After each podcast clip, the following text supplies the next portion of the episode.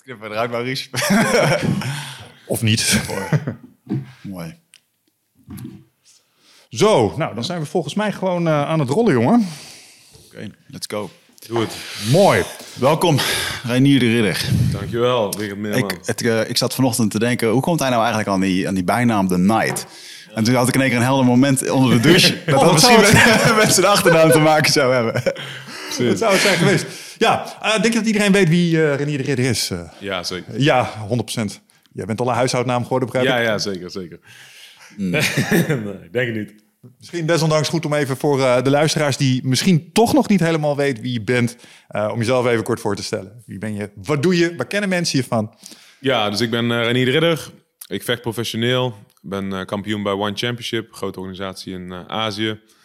Um, vader van twee kindjes. Um, ik heb een sportschool, Combat Brothers, in uh, Breda. Uh, twee fysiopraktijken. En um, dat doe ik. Een beetje dingetje regelen de hele dag. Een beetje trainen. Ja. Je bent een van de weinige uh, profvechters die er zoveel naast doet. Ja. En succesvol profvecht en ook nog succesvol een bedrijf kan runnen. Ja. Dus dat is wel, uh, dat is een, uh, ja, dat is een, dat is een gave. Dat is mooi. Ja, en ik denk dat dat juist die balans wel altijd heel goed is geweest de afgelopen jaren. Dat het heel fijn is om ook even af en toe iets anders te doen dan alleen maar uh, trainen en op je bed liggen, weet je wel. Ja, en maar ik kan zat te denken, uh, die afhankelijkheid van vechten, die is echt heel vervelend. Zeker ja, als je zeker. in coronatijd drie jaar lang niet kan vechten of zo, weet je wel. En uh, dat je dan nog gewoon je fysio dingen hebt waar... eh, ja, zeker. En um, uh, dat geeft ook heel veel rust en heel veel uh, stabiliteit, denk ik. Um, en ik hoor bij veel vrienden die echt alleen maar knokken, inderdaad. Op een gegeven moment is geld op en dan moeten ze wel, weet je wel. Ja. Um, ook al verdien je nog zoveel geld voor een partij, het gaat altijd een keertje op. Ja. Zeker met het gemiddelde uitgavenpatroon. Uh, kan het wel spannend worden. Maar er zijn wel meer vechters die het heel goed doen. Net zoals uh, Gegard en zijn broer. Uh, die hebben ook iets moois opgebouwd naast het knokken. Ja. Um, dus dat probeer ik ook te doen. Ik probeer ook gewoon overal een beetje te bouwen. En ondertussen um, blijft de focus wel op knokken. Ja. Want hoe lang ga je nog knokken? Dus je bent nu 32. Met 32? jaartje vijf of zo, denk ik. Ja. ja. Zit je dan op je top, denk je? Of zit je nu op je top? Ah, nou, de laatste partij was niet echt top. Dus, uh, dus ja. uh, ik heb nog... Um, nou, ik denk dat het nog wel goed is. Ik denk uh, dat ik een hoop stappen nog kan zetten. En um, daar ben ik hard voor aan het werken. Wat moet er gefine-tuned worden? Um, nou, maar dat is een beetje complex, denk ik. Maar we hebben de tijd, begreep ik al. Maar met name deze partij, die laatste partij ja, liep gewoon niet zoals die normaal gesproken loopt. Ik was niet mezelf. Uh, ik liep vroeg tegen stoot aan. Dingetje wat wel eens eerder gebeurd is. Um, dus voor de mensen die me niet kennen, hiervoor ben ik 16 partijen, 16 partijen gevochten, alles gewonnen. Uh, iedereen behalve eentje voortijdig afgemaakt. En die laatste partij heb ik op knockout verloren in de eerste ronde. Vocht tegen een, um, de heavyweight kampioen op light heavyweight. Dus hij kwam gewicht naar beneden, ik ging gewicht omhoog. Uh, daar zaten al een paar dingetjes in die ik in het vervolg niet meer zo zou doen. Dus ik heb de partij op vijf weken uh, aangenomen. Wat eigenlijk te kort is om een gewicht omhoog te gaan. Um, dus dat, dat gaat niet opnieuw gebeuren. En um, ja, ik ben eigenlijk gewoon gewend. Als ik naar zo'n gozer toe loop, vastpak, dan kan ik hem op de grond gooien en dan is het vrij snel klaar. Maar dat was ook niet dit keer. ik liep al vrij snel tegen een stoot op in, um, in de eerste wisseling. In de eerste slagenwisseling. En daarna was ik gewoon niet meer mezelf. Ik, ik, had niet de controle die ik normaal gesproken heb in een partij. En uh, die ene stoot werden er nog een paar meer. Ehm, dus het is een stukje andere benadering, denk ik. Een iets andere gameplan waar ik, eh, waar ik aan werk. Dus ehm, eh, ik heb nooit echt heel veel zorgen hoeven te maken om over geraakt worden. Want ik, ik ben eigenlijk in die 16 partijen ook eigenlijk nooit echt geraakt. Ben nooit aangeslagen geweest. Ook eigenlijk nooit in training. Ik ben altijd heel erg gefocust op uh, veilig blijven. Maar er zit wat fine-tuning in voetenwerk. Er zit wat fine-tuning in uh, de manier waarop we sparren. We, wij sparren bijvoorbeeld heel veel met grote handschoenen. wat maakt dat je dekking goed is voor kickboksen, maar misschien niet optimaal voor MMA. Dus als, ik heb de partij natuurlijk oneindig teruggekeken ondertussen. En mijn, hand, mijn handen zijn altijd hoog, in de buurt van mijn hoofd. Maar een directe stoot komt er zo tussendoor. En ja. dat is met grote handschoenen anders. Want dan dat, dat loopt gewoon eerder uh, ergens. Uh, hier uh, is, word je niet zo makkelijk geraakt. Maar met MMA, met een klein handschoentje, eigenlijk de grootte van de vuist, die kan overal tussendoor. Dus die dekking die moet ook even iets anders eh, worden dan dat die eh, was in deze partij. Ja, denk je dat de trainer met de grote handschoenen ervoor heeft gezorgd dat je je veilig waande op momenten dat je Ja. het misschien niet was? Ja, absoluut. absoluut ja. Ehm, wat je ook zei was, eh, je tegenstander is een gewichtsklasse naar beneden gekomen. Nou weet ik dat bij UFC ehm, zijn ze best wel aan het kijken naar dingen als weight cutting. Ja. Omdat sommige vechters die wegen in op X en dan staan ze op Y in de ring. Ja. Was dat hier misschien ook een factor? Nou ja, sowieso. Dus ehm, eh, bij One is het net even anders omdat je... ehm, ze doen hydratatietesten, dus dat is op zich heel goed. Dus eh, je moet eh eh, hydratatietest doen, wegen... en tegelijkertijd moet je dus gehydrateerd zijn en je gewicht halen. Dat komt Dus, omdat eh, er ooit een keertje iemand overleden is, toch? Door, Ja, klopt. Dus daar is een paar jaar geleden een keer een kickboxer overleden. Inderdaad, omdat hij dacht dat hij moest weightcutten in de zon in, ehm, in Bangkok, eh, geloof ik. Ehm, en eh, een stukje was gaan rennen, maar niet meer eh, gevonden was. En ehm, ja, ik, denk, dit is wel de beste manier, zeg maar, waarop het gedaan wordt. Omdat je daardoor het extreme weightcutten, wat je dus in de UFC ziet, Bellator en PFL... waarbij ze zeg maar 10 kilo afvallen, dat kan niet meer. Nee, oké. Dus het was niet dat je tegenstander inboog op 90 en ineens op eh 105 in de ring stond. Dus je mag, ehm, bij One mag je de dag van de partij 5% zwaarder zijn dan, ehm, dan op inwegen. Dus eh, hij loopt rond op 110, 115, zeg maar standaard. Ehm, onze partij was op light heavyweight en dat is 102 bij One. Dus hij is afgevallen tot 102. Zal waarschijnlijk op de dag van de partij 105, 106 gewogen hebben of zo, weet je wel. En ik loop rond op 95. En eh, ik woog in op eh 97 met eh 3 liter water en eh, zoveel mogelijk kleren aan om nog een beetje gewicht bij te krijgen. Eh, maar ik vecht normaal gesproken op 93, zeg maar. Dus eh, dat is ook een dingetje. Ik, daar moet ik gewoon meer tijd voor uittrekken om specifiek aan te komen en, eh, en daar klaar voor te zijn. Want ik wil die partij wel heel graag nog een keer eh, terug. Ik wil heel graag nog een keer vechten deze gozer. En even uit een, eh, ik weet niet of in hoeverre dat, dat we daarover kunnen spreken, maar bij, bij One FC, daar doen ze niet echt testen en zo, hè? Nee, nee, nee. Nee, dus Nee. mij viel op dat deze man wel echt een soort vierkant hoofd had, waarvan ik dacht, ja, je hebt gewoon jarenlang aan de zooi gezeten. Ja, maar dat, weet je, en dat is een heel lastig dingetje. Maar ehm, als je zeg maar foto's van eh, al mijn tegenstanders eh, bij One op een rijtje zet, nou, ik denk dat 90% eh eh, leven lang aan de steroïden zit. Ja. Ze zijn gewoon allemaal gigantisch. Dat is, dat is echt een ehm gozer die vecht nu ook eh, binnenkort. Ja, die is gewoon echt belachelijk. die, die ziet eruit als een bodybuilder, maar dat is een vechter, weet je wel. Ja. Ehm, ja, dus dat is, ja, dat is een heel lastig dingetje. Maar dat is niet de reden dat ik deze partij verloren heb. Want van al die andere gasten heb ik ook gewonnen. Die Ja. ook allemaal aan de steroïden zaten. Dus dat, dat, daar schuif ik dit niet op af.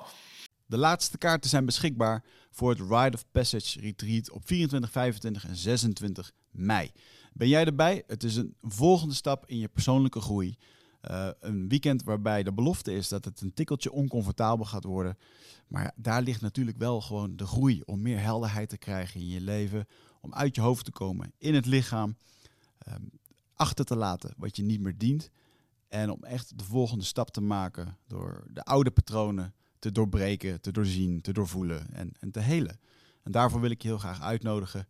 Eh, en ik hoop dat jij een van die laatste bent die nog aansluit bij het Ride of Passage Retreat. Ga naar wichertmeerman.nl, klik op Retreat en ik zie je daar.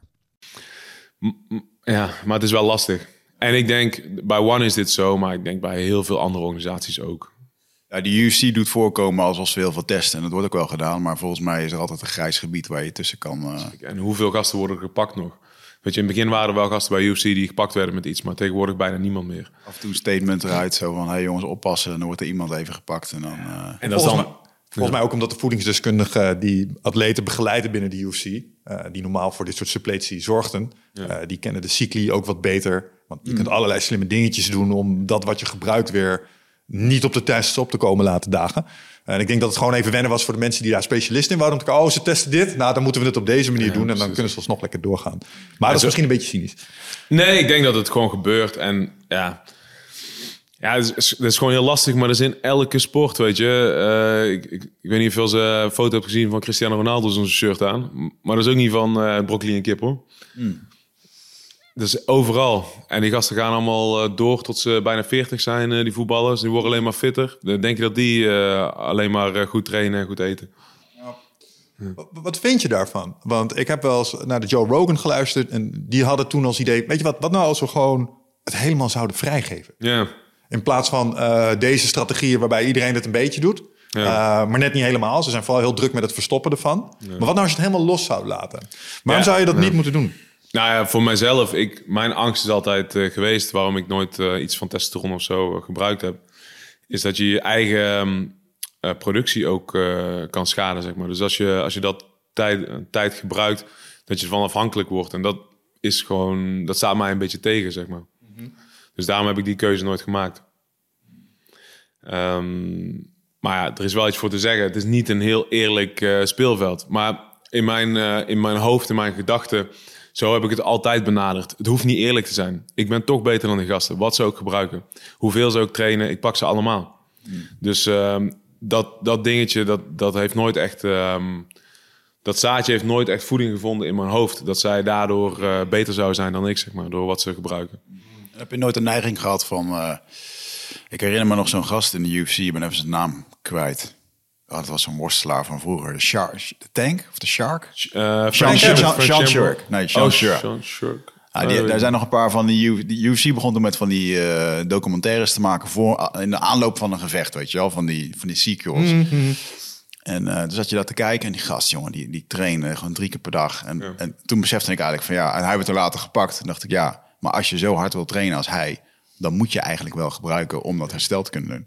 Heb jij dan nooit zoiets voor jezelf gehad van, want train jij één keer per dag, twee keer per dag? Twee keer per dag op eh, een aantal dagen. Dus ik kan niet zeg maar elke dag twee keer per dag trainen, want dan blijft gewoon niks over. Precies, dan dan zit er breek ik een alleen maar af. Ja. Ja, ja dat, dat is een heel dingetje, jongens. Dat, eh, dat is het lastige voor de situatie waarin ik me bevind. Ja. Ja. Nou ja, de- ik, ik heb zelf de keuze gemaakt om, om, om dat niet eh, in te zetten, dat soort, dingen, dat soort middelen. En ehm, ja, anderen wel. Ja. Dus, het- zij, ja. zij kunnen misschien meer uren maken dan ik. En ik, ik probeer het op andere manieren te doen. Dus ik doe ook veel ehm visualisatiedingetjes, eh, meditatie. ehm, ik train op een andere manier. Dus het is niet altijd eh, dat ik eh 300% ga elke trainingssessie. En ik, ik weet niet hoe dat is, maar gasten die ergens aan zitten, die zullen toch ook niet drie keer op een dag keihard kunnen gaan, toch? Dus moet, die hebben ook herstel nodig, toch? Ja, maar dat is waar de, de anabolen dan weer je bij helpen. Ja, dus misschien de- dat die iets meer eh, herstelvermogen hebben dan ik, maar het zal ook geen eh, wereld van verschil zijn, hopelijk. Waar, waar ik wel heel erg van geniet in je wedstrijden is dat ik altijd eh, de, de judo direct zie terugkomen. Ja. Met het pakken en dat been tussen de anderen, hè, proberen te gooien. En eh, dat vind ik mooi. Je hebt de mooie judo clinches die je in het MMA verwerkt. Ja, daar ben ik ook heel trots op. Dat ik dat altijd nog kan eh, vertegenwoordigen van vroeger. Dus ik ben op mijn vijfde begonnen met, eh met judoën. En ehm, ja, dat vind ik ook altijd nog heel mooi. Dat ik, dat, eh, dat ik heel veel van die techniekjes nog in kan zetten. En sommige dingen, net zoals een, ik heb een hele goede haragoshi. eh, met, met been. En ehm, dat dingetje, dat zit zo diep in mijn systeem. Dat, die komt er gewoon uit. Als, hij, als ik iets zie dat het kan, dan komt hij er automatisch uit. En ehm, dat vind ik zelf heel cool. Ja. En mega irritant voor, want veel worstelaars kunnen daar ook niks mee. Precies, en dat maakt ook dat ik eh, onvoorspelbaar ben voor de meesten. Want er zijn niet veel judoka's op, eh, op, op mijn niveau, zeg maar. Dus ehm, ze hebben niet veel sparringspartners die mij kunnen nabootsen, denk ik. Dus eh, ja, dat is wel een mooi dingetje om in mijn eh, arsenaal te hebben. Ik vind het wel leuk om het te, te zien, want tien jaar geleden toen ik nog wedstrijden deed... Is dat tien jaar geleden? Maar Een beetje Je niet wordt hoe dan ook oud. Ja, ik word sowieso ouder. Maar eh, ik weet nog dat jij op een gegeven moment een beetje op de scene kwam als eh, nieuwe BJ'er. En dat jij best wel snel eh, jongens eh, in BJ-toernooien aan het aanpakken was. Die, Ja. Waarvan ik dacht, van, die zijn echt wel fucking goed.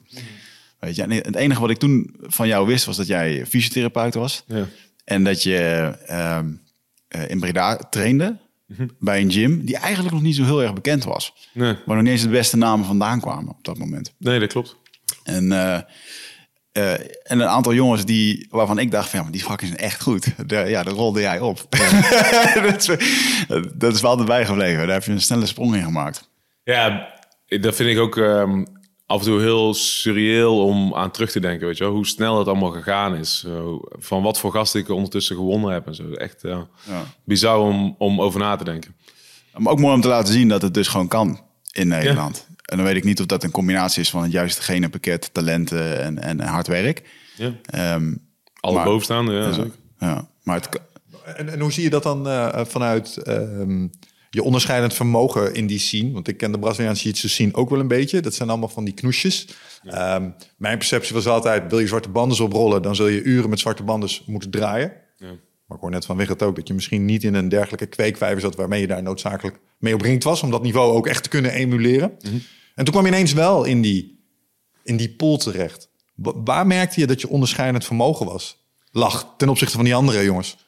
Ja, ik, ik denk, ehm, zeg maar, wat mij anders maakt is, eh, is denk ik met name mijn eh, denkvermogen, mijn hoofd, hoe ik, eh, hoe ik erin sta, hoe ik het benader. Ehm, en wat denk ik ehm, een dingetje is in, die, in, het, in het groeistukje is, ehm, ik geloof juist niet dat je eh, zoveel mogelijk met gasten moet trainen die beter zijn dan jou of net zo goed zijn als jou. Ik denk juist dat dat een heel klein gedeelte moet zijn van je training. Dus, Ja, dat- ja, sorry. ja, dus eh, ik geloof... ehm, ik, ja, precies eh, percentage altijd lastig natuurlijk. Maar ik zeg altijd... eh 80% moet je met gasten trainen... waar je eigenlijk redelijk makkelijk van kan winnen. 20% moet je met gasten trainen van jouw niveau of hoger.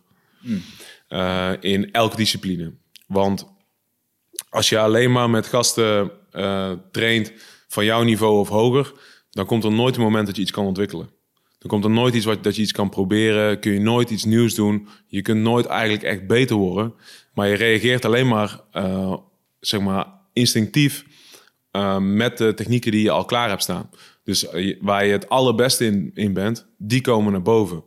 Ehm, maar je krijgt nooit de kans om iets nieuws te ontwikkelen, om ergens over na te denken, om te bekijken hoe dat je iets ehm, ehm, kan perfectioneren. Je doet gewoon wat er al klaar staat. Je gaat Ja. nooit een, een laagje dieper. En dit heeft ook een beetje. Ik denk dat dat ook echt iets is wat mij veel geholpen heeft in het begin. Is mijn fysiotherapieopleiding. Ehm maakte dat ik best wel wat weet van eh, motorisch leren. Dus ik heb ook een beetje een basis in, in dat stukje. Ik weet heel goed wat je nodig hebt om iets te ontwikkelen, om ergens beter in te worden. wel een ding wat me echt bijstaat in dat toen ik jou in die ontwikkeling zag, eh, de term intelligent vechten. Ja. En er waren niet zoveel mensen die dat konden, want veel zaten op veel ervaring en deden altijd hetzelfde dingetje. Maar om iemand per wedstrijd te zien aanpassen, ik vind dat Alistair Overeem kan dat ook goed. Ja. Ja, daar ook ja. een bepaalde gave voor, weet je wel. Eh, en dat is gewoon heel, ja, dat inzicht. Dat je niet op de automatische piloot maar je ding doet, maar gewoon... eh, Ja. Ja, probeer te blijven groeien. En dat is, eh, dat is nu ook een mooi moment voor, eh, voor mezelf. Ja. Dat mentaal ook het belangrijkste verschil in de manier van denken? Je zei daarnet, eh, toen ik de scene inkwam, merkte ik, ik, ik denkte op een iets andere manier. Was dit daar een onderdeel van? Of zaten daar ook nog andere dingen in die je merkt van, hm, ik kijk toch wel echt anders naar dit spelletje? Ja, dat, maar ook, eh, ik denk, om iets te bereiken in wat dan ook, moet je erdoor geobsedeerd zijn. En dat ben ik tot nu toe nog steeds. En dat ben ik ook altijd geweest. Ehm, en een mooi voorbeeld daarvan is bijvoorbeeld, voordat ik ga, ga slapen, elke avond voor de afgelopen 15 jaar, het laatste waar ik aan denk is techniekjes. Eh, takedowns, passes, eh, chokes, ehm, eh, combinaties. Altijd. Als ik een momentje voor mezelf heb, als ik naar de sportschool fiets, dan denk ik na over hoe ga ik dit aanpakken, wat, wat ga ik hiermee doen. En dat zeg ik ook tegen, ehm, want nu, ik word wat ouder en er komen ehm, eh, gasten onder mij nu de gym in die ook prof willen vechten. Zeg ik ook tegen die gasten, het makkelijkste wat je kan winnen is meer tijd hierin steken dan je tegenstander. Ja, je, kunt hier gewoon elk moment van de dag mee bezig zijn. Als, je dit, als dit echt je toekomst is. Want het is natuurlijk de meest eh, zieke baan die je kan eh, bedenken. Het is eh, de kans dat je hier ooit geld mee gaat verdienen om voor je gezin te zorgen is nou, 0,1. Weet je wel, bijna onmogelijk. Ehm, dus als je hiervoor wil gaan, als je zo dom bent dat je deze keuze maakt, dan, dan ga er in ieder geval voor fucking 100% voor. Dan moet het je echt je leven overnemen. Dan moet je echt volledig geobsedeerd zijn door deze shit. Ja, ik weet nog dat ik op een gegeven moment in een studiekeuze zat. Of eh, ga je studeren of ga je werken? En eh, ook een paar keer MMA gevochten. En dat ik op een gegeven moment dacht van, weet je... Misschien moet ik het gewoon even lekker twee, drie jaar proberen... en kijken wat het dan doet. En ik weet nog dat ik dat zat te denken. En toen dacht ik, dat is echt een hele domme keuze. Want wat ga je dan doen? Weet je wel, in drie jaar, ja, over drie jaar sta je weer op een punt van... ja, maar je, je moet verder. Dus dat was gewoon niet eh, de all-in keuze. Die, eh, die kon ik niet maken daar. Ja, en dan daarnaast kun je nog steeds, als je all-in bent, daarnaast kun je nog steeds alle aspecten van je leven zeg maar bouwen. Ik wil niet zeggen dat je, dat je dan alleen maar moet trainen, want dat kan niet. Er, is geen, er is geen persoon die, eh, ook al doe je van alles en nog wat, er is geen persoon die acht uur op een dag kan trainen. Weet je, er is altijd ruimte om ook te ontwikkelen en, en andere dingen ook te bouwen. Ehm, maar voor mij was het een beetje hetzelfde. Dus na de fysiotherapieopleiding uh, ben ik begonnen met uh, manueel therapie aan de universiteit in Brussel. En daarnaast had ik mijn eigen praktijk geopend. En daarnaast was ik dan fulltime aan het trainen. En toen kwam voor mij ook op een gegeven moment een besefmoment. Dus ik kan twee dingetjes gaat. Ik kan werken en trainen, of ik kan uh, studeren en trainen, of studeren en werken. Maar drie dingen is gewoon te veel. En toen ben ik ook gestopt met, met de studie. Dan dat, ik ben echt iemand die graag dingen afmaakt. Dus dat was voor mij wel heel lastig toen. Um, maar soms moet je ook keuze maken inderdaad. Maar toen heb jij dus voor gekozen om niet te, te vechten? Ja, ook om het besef dat ik gewoon... Het is natuurlijk een soort uh, droom, hè? want je bent dan omringd uh, in die wereld. Je gaat iedere week naar die toernooien. En um, je krijgt altijd te horen, ja, als je er echt voor gaat, dan kan het. Ja. Maar ik had gewoon ook heel erg goed naar Dwen van Helvoort ken je? Mm, ja, zeker. Ik weet dat jullie elkaar kennen. En um, wij stonden toen wekelijks uh, met elkaar op toernooien. En ik zag hem gewoon groeien en mensen in de knoop leggen waar ik gewoon van verloor. En dus ik, er zag op een gegeven moment gewoon een, een talentgat daarin zitten. Dus dat was voor mij wel een hele duidelijke signaal. Um, van ja, uh, ik heb gewoon niet dat talent of niet dat inzicht. Ja. En um, ja, wat ga je dan doen? Ga je dan die, die, die, die topsporter proberen te zijn die altijd het net niet heeft gehaald? Dat voelde ik heel sterk. En toen had ik wel iets van, als je dat voelt, ja, dan gaat het er zeker niet worden. Ik niet als dat tussen je oren zit in de wedstrijd. Nee, zeker. Ja. En ook, dan, nog, ook nog die factor van hoe doe ik het eigenlijk onder druk? Wat, wat doe ik nou in wedstrijden? En ik, en ik zag dat anderen daar gewoon beter in, uh, in navigeerden dan, uh, dan ik. Dus, uh, maar ook daar zijn dan dingen die je kan veranderen en waar je in kan groeien. Want, want dat is ook echt iets wat je kan trainen. Dat mentale aspect in een wedstrijd. Echt iets waar je in kan ontwikkelen. Maar het is juist heel mooi toch als je die keuze kan maken. Weet je, je ziet, ik ga hier misschien zo ver komen, maar ik wil liever iets anders uh, bereiken. Als je kan schakelen in je leven, dat is denk ik heel, uh, ja, heel belangrijk. Ja, en, en plus het uh, best wel trieste feit dat die pool van vechters, die is gigantisch. Hoeveel, hoeveel mensen de MMA beoefenen op de wereld. Ja. En die 0,1% die staat op de grote toernooien, daar kijkt iedereen naar. En alles wat er net niet in komt, die pool die is ook echt giga groot. En er zitten ook echt heel veel goede gasten bij. En, en ik weet nog dat wij, uh, dat als wij naar die gala's gingen, dan zag je al die namen van vroeger die dan veel op die toernooien stonden. En dan dacht je echt, nou, dit is die, dit is die MMA-wereld. Als je daar nu naar terugkijkt, ja, daar is eigenlijk niet zoveel van terechtgekomen. Waarvan je toen dacht van die hebben echt potentie, die zijn goed. Ja, je bedoelt mensen op de line-ups. En als je kijkt hoe ze nu terecht zijn, ja. Zijn maar heel, zijn ja. een enkeling, man. Dat is echt, uh... En zelfs die gasten die het maken. Zelfs die gasten die uh, in uh, UFC, Bellator, One, PFL terechtkomen. Zelfs gasten die in de top 5 terechtkomen. Zelfs gasten die voor het titel vechten. Ja. Hoeveel hebben er over tien jaar nog geld? Hoeveel kunnen er over tien jaar nog leven van wat ze, wat ze gedaan hebben? Ik ben de laatste tijd veel naar Ernesto Host en Sam Schild aan het kijken op Instagram. En wat, het lijkt erop dat als je uh, topvechter bent geweest, dat, dat de carrièrekeuze daarna komt of neer op films of het seminarcircuit in. Ja. Dus, dus op de naamsbekendheid die je hebt, gewoon uh, ja, de wereld over. Ze gaan veel naar het buitenland en dan geven ze daar seminars. En dat lijkt allemaal heel erg vol te staan. Maar je zult de rest van je verdere leven op die mat staan. Ik denk trouwens ook niet dat deze mannen anders zouden willen. Precies, maar, dat is ook een dingetje. Daar kan je ook in schakelen, toch? Dus um, dat is ook uh, een sterke persoonlijkheid zijn. Op het moment dat je de keuze komt, dat je ook een keuze kan maken om iets anders te doen en het roer om te gooien. Dus juist denk ik heel mooi. Heb je um, um, Relentless toevallig gelezen van uh, Tim Grover? Nee, vertel man. Echt een fucking vet boek. Tim moet, je, moet je echt Grover. lezen. Van, um, dus de coach van uh, Michael Jordan uh, geweest. Ah, okay. zeg maar heel lang geleden, 20 jaar samen met Michael Jordan gewerkt. Niet als basketbalcoach, uh, per se, maar meer als uh, personal trainer. Mm. In een tijd dat die gasten allemaal nog geen personal trainer hadden, was hij een van de eerste en hij werkte dan met Michael Jordan. Hij heeft echt um, dat boek, serieus, ik kan niet genoeg aanraden, is echt super interessant. Wat hij um, qua mentale spelletje en de opofferingen die je maakt en um, wat hij dan met Michael deed of wat hij aan Wat hij met Michael deed en een beetje ook hoe hij dan vertelt over het type persoonlijkheid zeg maar, dat uh, Michael Jordan was en een aantal andere basketballers die hij begeleid heeft. Hij, um, ja, dit, dit is een beetje te complex misschien, maar uh, maakt um, onderscheid in uh, drie types. Um, coolers, closers en cleaners. En een cleaner is iemand die zeg maar puur voor de intrinsieke motivatie gaat. Dus motivatie om uh, om te knokken of om te basketballen of wat dan ook. is niet eh, het- resultaat. Dus het is niet ehm, eh, de dikke auto die je ervan kan rijden of ehm, de, het schouderklopje wat je van iemand krijgt of zo. Maar die zijn puur geobsedeerd door het spelletje en die geven alles om te winnen. En een eh, cooler doet het meer een beetje om erbij te horen. En ehm, eh, een closer is iemand die kan goed presteren, maar is bijvoorbeeld iemand die heel de wedstrijd eh, goed meedoet en dan op het laatste moment nog wel scoort en daardoor de wedstrijd wint, maar in de rest van de wedstrijd ehm, meer had kunnen geven. En een cleaner is iemand, het moment dat de bel gaat, het moment dat hij scheids go zegt, is hij eh, volledig in de zone en doet hij wat hij moet doen. Interessant. Het is echt heel cool om te lezen. Want hij heeft dus ook al die verschillende persoonlijkheden gezien, zeg maar, in zijn eh, carrière als coach. En ehm, ja, het is heel, heel leuk om te lezen wat hij daarvan van vindt. Ik denk dat ik een cooler ben. Ik, ik zou je zeggen, je, je zegt, je zegt net, dat, dat schouderklopje. Als ik dan denk van wat waren nou, waarvoor, waarvoor denk ik nou het allerliefst die wedstrijden? Ja, dan kwam ik op woensdag terug naar een zondag dat ik wedstrijd had. En dan had ik een weekje rust. En dan, eh, nou, soms dan had ik gewonnen, soms had ik verloren. Als ik verloren had, dan, dan, dan kon ik mezelf weer de zweep geven, ging ik meteen weer trainen, want dan had ik niet goed mijn best gedaan.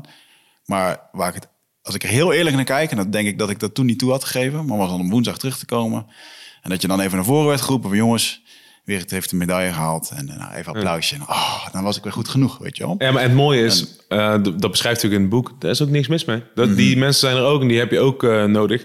Maar dat zijn niet de gasten die de beste horen. Nee. nee. En als ik dus, je had het net over Michael, ik heb die, eh die docu gezien van hem op Netflix. En ja, fucking intense gast. Ja. En dan weet ik gewoon, ja, ik ben dat niet. Niet op dat wat hij nu voelt. En die, ja, soort, het is bijna een soort eh, masochisme, weet je wel, wat erin Ja, zit. Pamp en Iron krijg je die indruk ook heel erg van Schwarzenegger. Dat is er ook zijn. Dat is volgens mij ook een cleaner. Ja, dat zou zomaar kunnen. ja. Ja.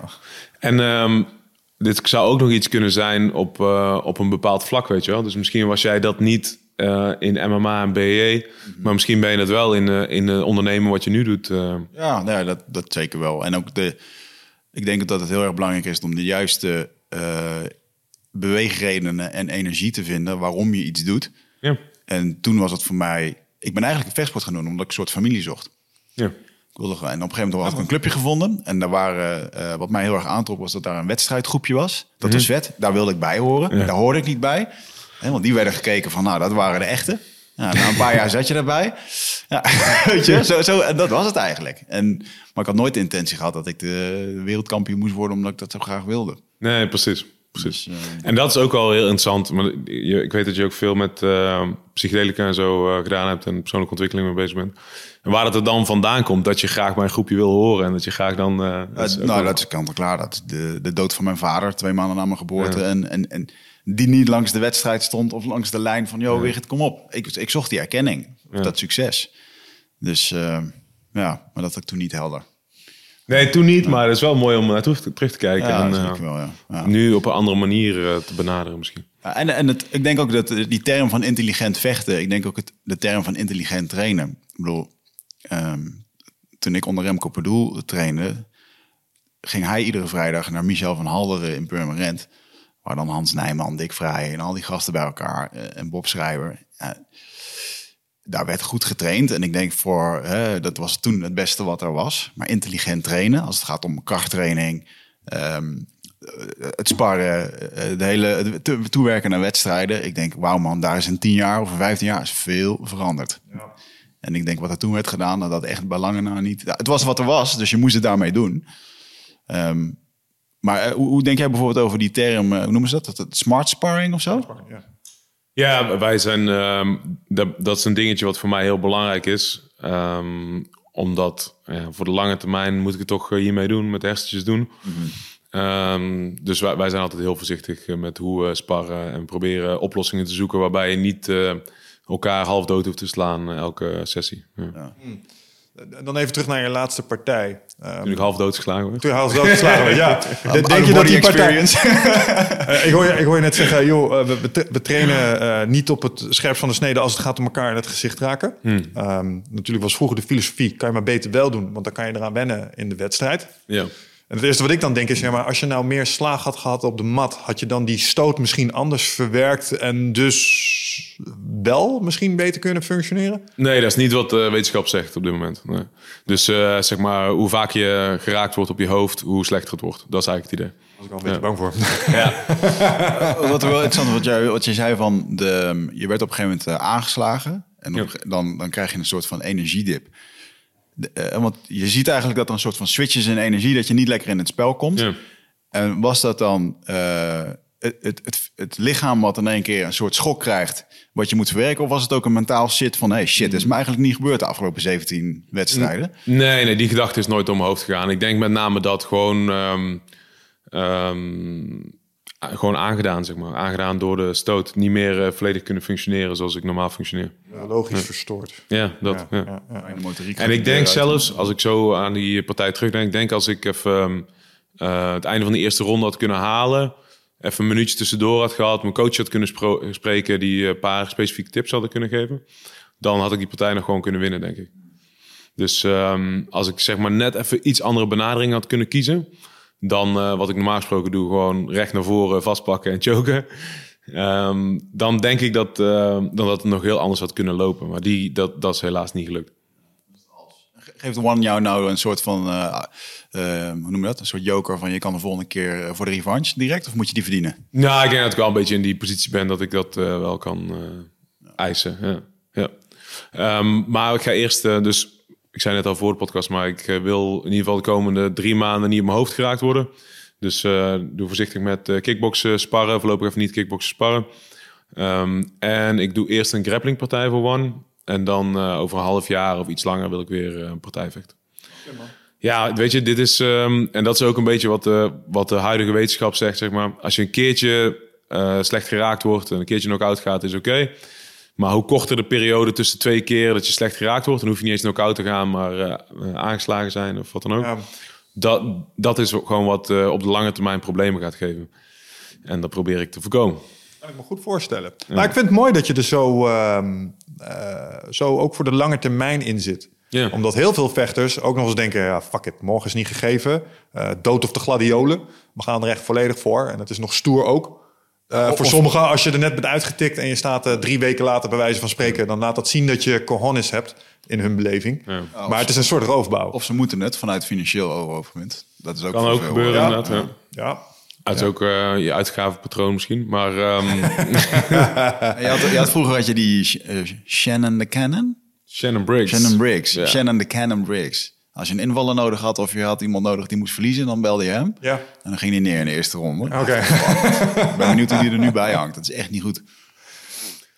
Nee, nee, ja, dat heeft Amerikaans voetbal dus denk ik ook wel geleerd. De CTE toch? Ja, precies. Ja. Nou, krijg jij scans na zo'n wedstrijd? Maar One of Ja. die zorgt wel goed voor mensen, toch? Ja, ja, ja zeker. Ja. Dus eh, dat doen ze wel, maar dat is allemaal meer een beetje voor de vorm hoor. Zo'n CT-scan, eh, wat ze daar eigenlijk echt op kunnen zien van eh, trauma is, eh, is heel beperkt. Als je een hersenbloeding hebt, dan zien ze dat. Maar als, Ja, je, precies. als je echt schade hebt opgelopen, dan... Ja. Volgens mij is het enige wat ze zeg maar postuum kunnen ze dat zien. wat er echt voor letsel in je Dus hersenen als het te laat was van ja, deze heeft wel echt heel veel butsen gehad. Heb jij zelf wel eens gemerkt dat je bijvoorbeeld in één keer geheugenverlies had? Of eh, dat je dacht van... hmm, Nee, gelukkig nooit. Nee. En dat, ik denk dat dat ook met name te maken heeft met hoe ik het altijd benaderd heb en hoe ik het eh, benader nu. Dus ehm, ik zei net al, ik heb twee kindjes en daar moet ik gewoon de komende jaren nog voor zijn. Dus ehm, papa gaat voorlopig niet eh, kwijlen en eh, Nee, heel goed. stotteren. Denk je dat je je opleiding als fysiotherapeut heeft bijgedragen aan het feit dat je hier zo in zit? Want als ik het afzet Ja. tegen bijvoorbeeld Tom Haring, die ik hier laatst ook heb geïnterviewd. Ja, Ja. dat is oude stempels. Twee keer per dag trainen, gewoon goed erop, weet je wel. Ja. Want je, ja, je moet er wel een beetje, je moet kunnen knokken toch, weet je wel, die, die houding. En dat, dat is eigenlijk, ehm, als je in de vechtsport komt, toen je zo oud was zoals jij en ik, dan, toen was dat de cultuur. Dus dat nam je ook automatisch er zo van over. Ik had het niet toen in me gehad om tegen Martijn te zeggen, ja, ben je gek geworden of zo. Ik ga me niet zo op mijn hoofd laten staan, dat is niet gezond voor mij.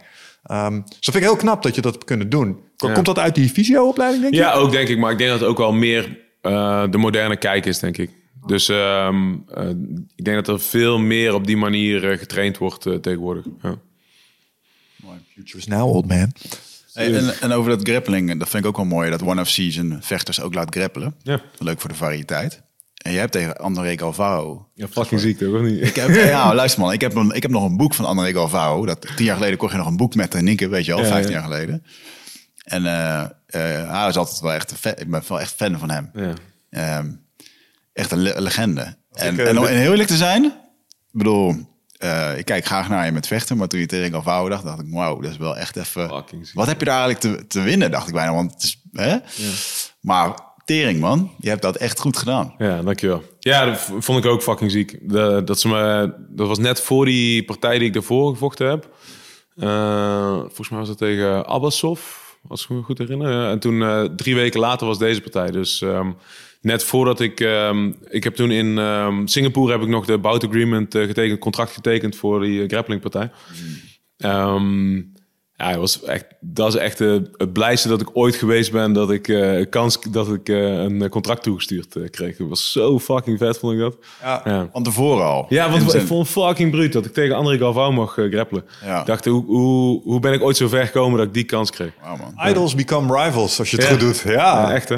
Als ik eh, me fanatiek wil voelen over Brazilian Jiu-Jitsu, kijk ik altijd die highlight van hem, rank one. Dan Ja. is hij op zo'n toernooi en dan eh, rolt hij een Gracie even op. Gaat hij zelfs met zijn knieën surfen op zijn rug en zo. Ah, ja, ja. Complete dominatie. Dat ik echt denk, wauw. Ah, dat is een mooie highlight. Heel Ja, technisch, ja. heel Ja. technisch. En daar heb jij gewoon tegen. Precies. ja. Dat, wa- dat, was- dat, dat verhaal wat jij vertelde was trouwens, dat was geen Gracie, maar dat was, eh, iemand, dat was een zwarte bander.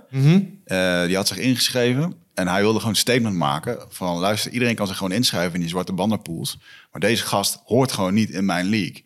Dus daarom heeft hij daar gewoon op zijn, sur- op zijn rug lopen surfen met die knieën. Ja, want dat dingen. was echt vernederend. Echt Ja. vernederend. Ja, zo van, jij hoort hier niet. En ergens ook wel gelijk, want ehm, ik kan ook zeggen dat ik op het WK Braziliaans Jiu-Jitsu heb gestaan. Maar dat was niet omdat ik me gekwalificeerd had met drie toernooien hier in Europa. Nee, ik schreef me gewoon in, betaalde fee en stond daar. Ja, ja. Weet je wel? Ik heb ook een keer meegedaan aan de Dutch Open. Kan gewoon naartoe, weet je wel. Geen probleem dat je 30 seconden later weer op straat staat. Vindt niemand erg, maar ja, dat kan. Maar, maar de, de, ehm, hoe, hoe vond je dat om tegen Galvao te rollen op dat moment dan? Want dat ging je gewoon goed af. Dat ging gewoon goed over en weer. En, Ja, en- ja dat is ehm, in, in de partij of in zo'n grapplingpartij. Het is gewoon ehm, een, dat is een andere persoon, zeg maar, een andere staat van zijn.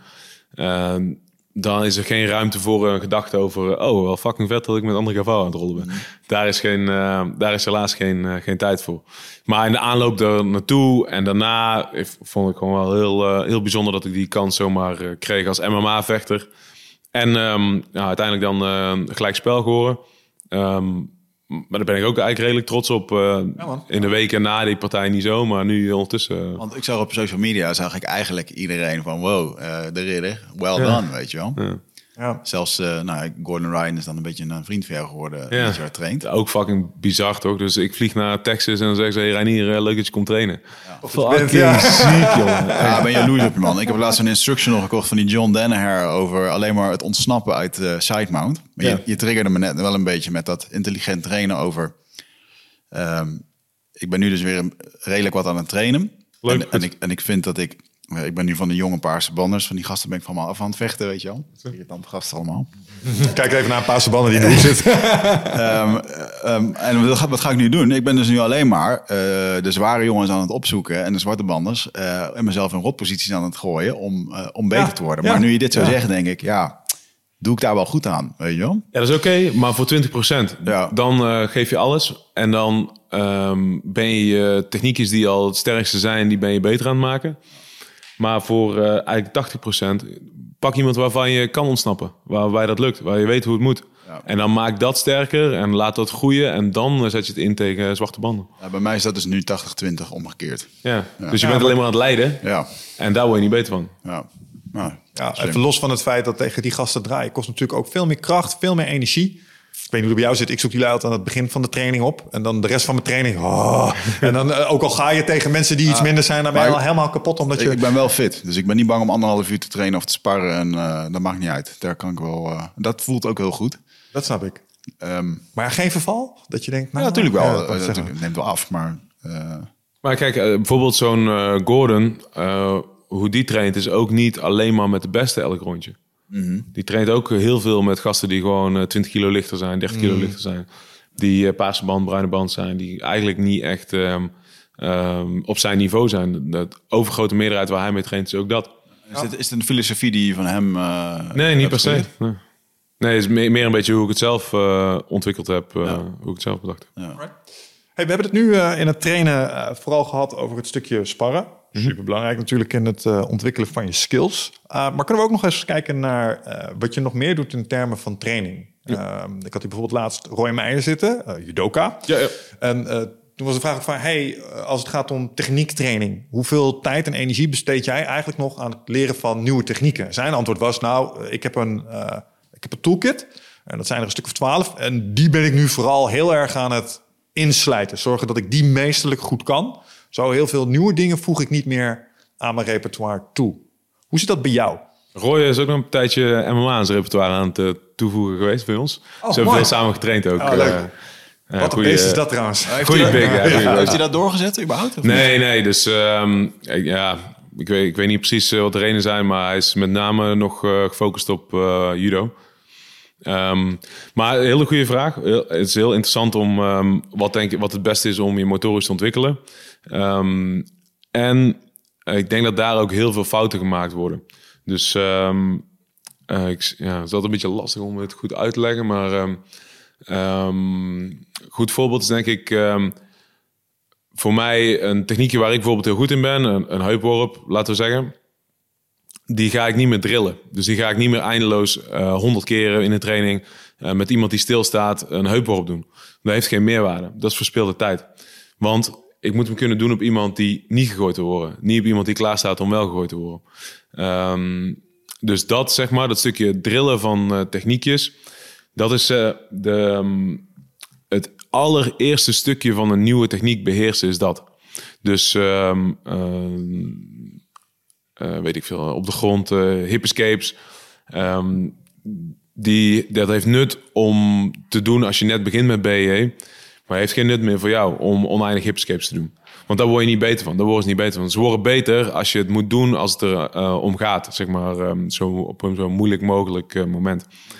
Um, dus op een schaal zie ik het zo. Als je een nieuw techniekje begint.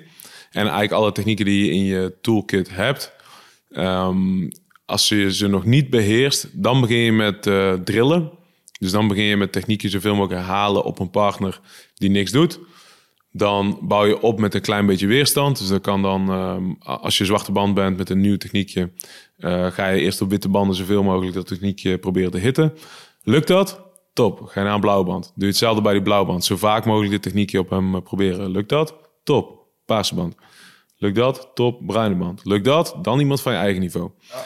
En uh, zit die eenmaal op dat niveau, de techniekje? Dus uh, heb ik die, uh, die armbar en die kan ik hitten op iemand van mijn niveau?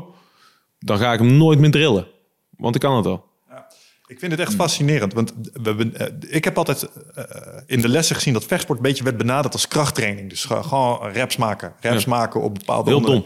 Ja, en, en wat ik heel erg hoor in jouw aanpak is een soort progressieve belasting. Dus we beginnen gewoon onderaan met laaggewicht, witte banden. Ja. Uh, en daar gaan we reps maken, reps maken, reps maken. Dan zijn we geadapteerd, gaan we een niveautje hoger. Ja. Uh, terwijl, als je luistert naar wat Wigert er straks zei... dat herken ik heel erg in hoe wij het ook altijd hebben aangepakt. Ja, je zoekt de moeilijke gasten op en daar ga je lekker tegen draaien. En dat, en, dat, ja, en dat zou eigenlijk hetzelfde zijn als met deadliften instappen op 120 kilo plus. Ja, terwijl precies. je misschien moet beginnen met de barbell alleen.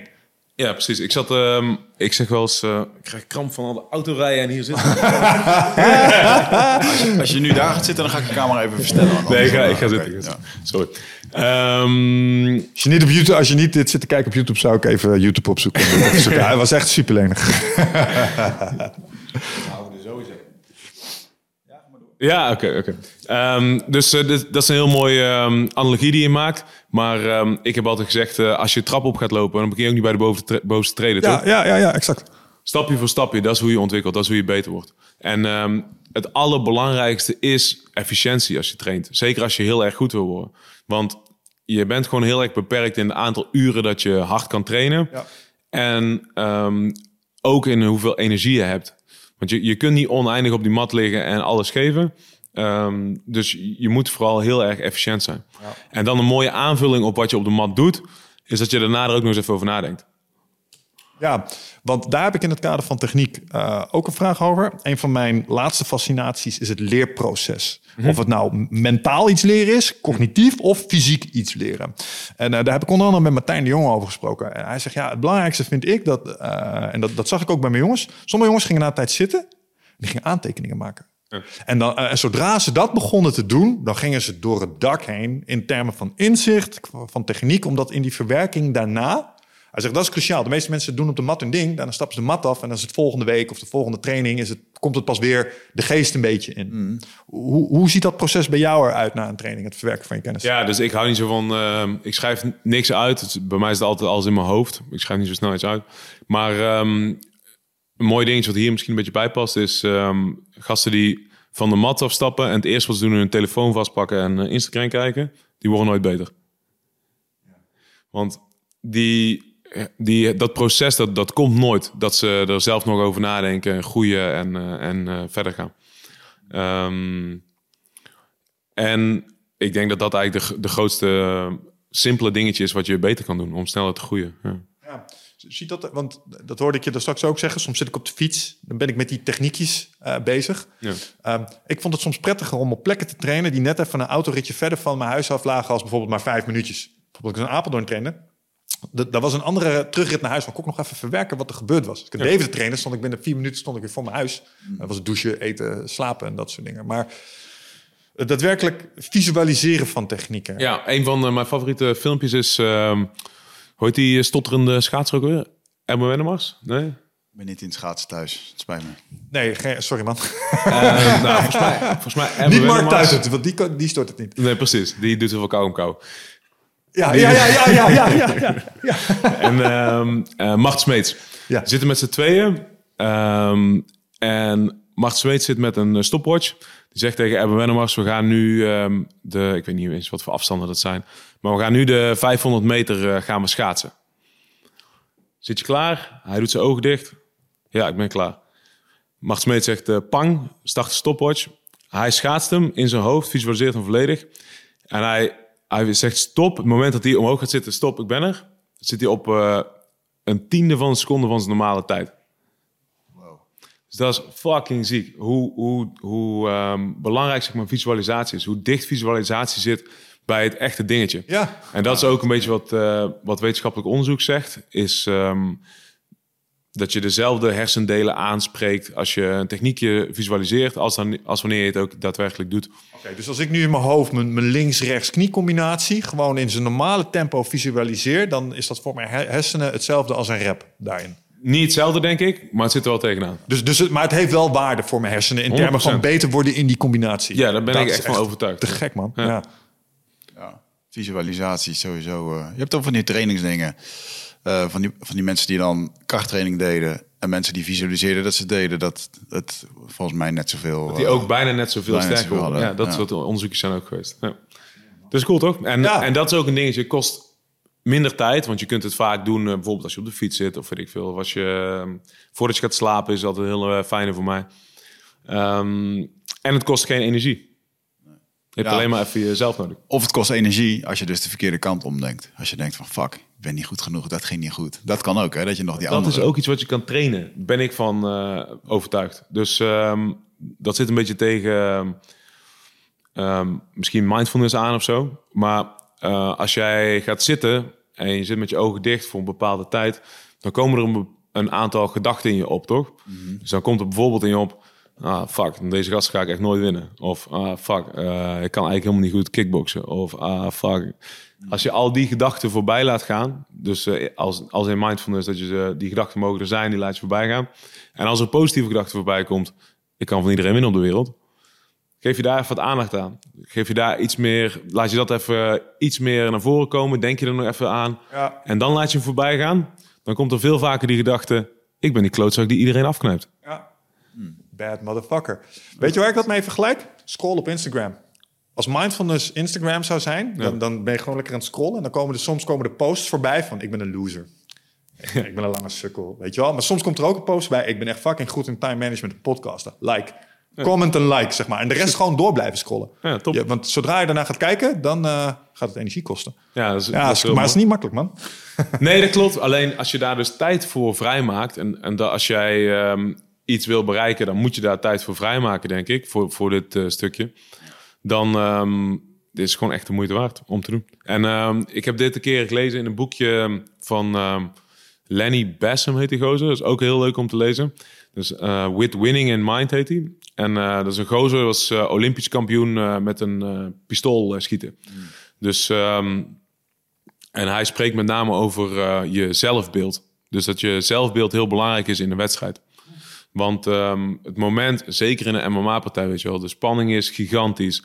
Alles staat op het spel. Van je gezondheid tot je, ehm, je eer, je financiën. Alles staat op het spel op je in die kooi staat. Dan komt naar boven hoe je over jezelf denkt.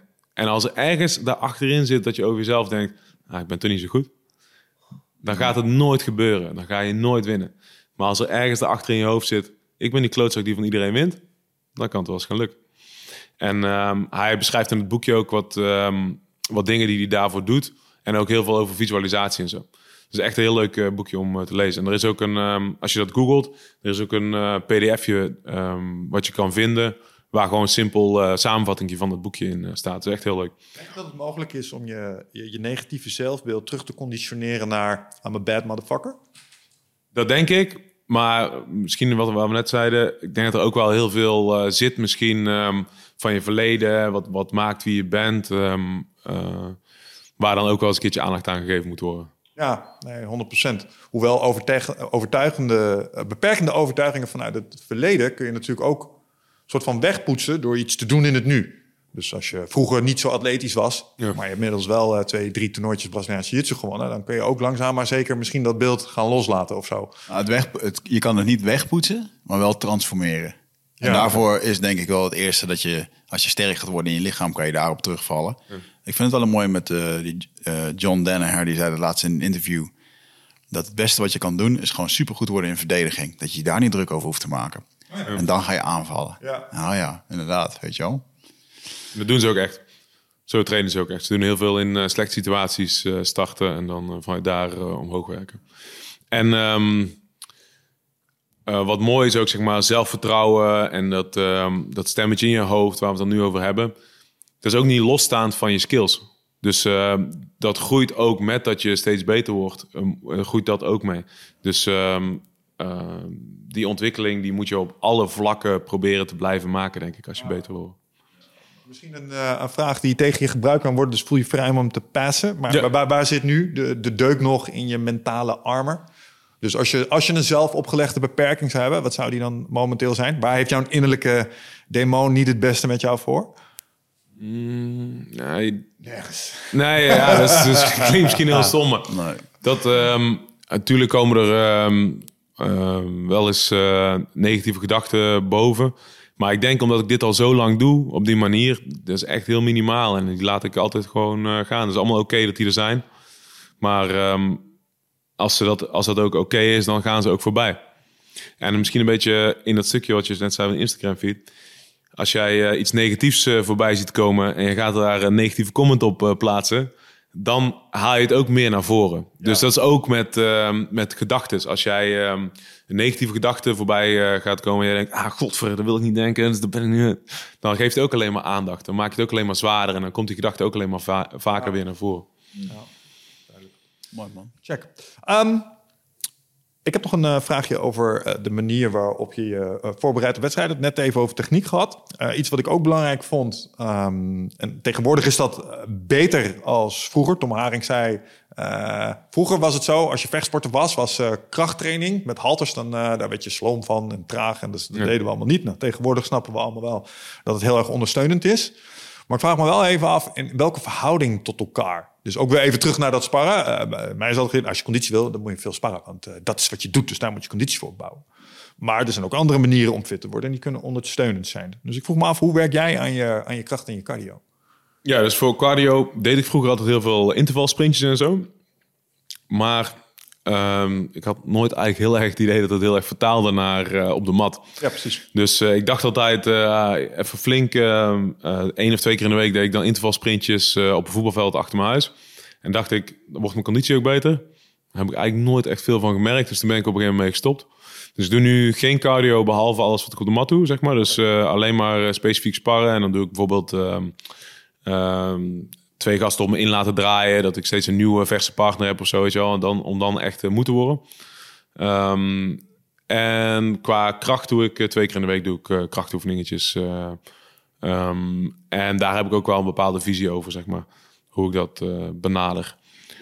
Ben je nou compounds aan het doen of ben je juist andere dingen aan het doen? Ja, dus um, het zit er met name in dit, zeg maar. Dus je, ik, met zeg maar traditioneel liften zit alles in het uh, frontale vlak, toch? Dus alles uh, van een deadlift tot voorslaan tot uh, uitdrukken um, is allemaal in het frontale vlak en het is altijd met twee armen tegelijk of twee benen tegelijk werken. Terwijl dat is eigenlijk het verste wat je kan verzinnen van wat, wat je op de mat moet doen, toch? Dus op de mat is alles je onderlichaam en je bovenlichaam met elkaar combineren in rotatie. Dus um, ik doe veel rotatiedingetjes en da daar is mijn krachttrainingsdingetje een beetje op gespecialiseerd. Um, en ik denk dat dat ook, ja, dat ik heb eigenlijk nog nooit een blessure gehad. Um, en ik denk dat dat ook een, een reden daarvoor is. Ik, ik train wel echt op een andere manier kracht dan de meeste mensen toch een boze ballen balancerend met één been en dan dingen boven je hoofd ah, uitstoten. Dat is ook niet helemaal. Uh... ja, dat nee, niet helemaal. Datzelfde van die filmpjes waar ik naar kijk en dan zit ik zo. Ah, ben je doe je?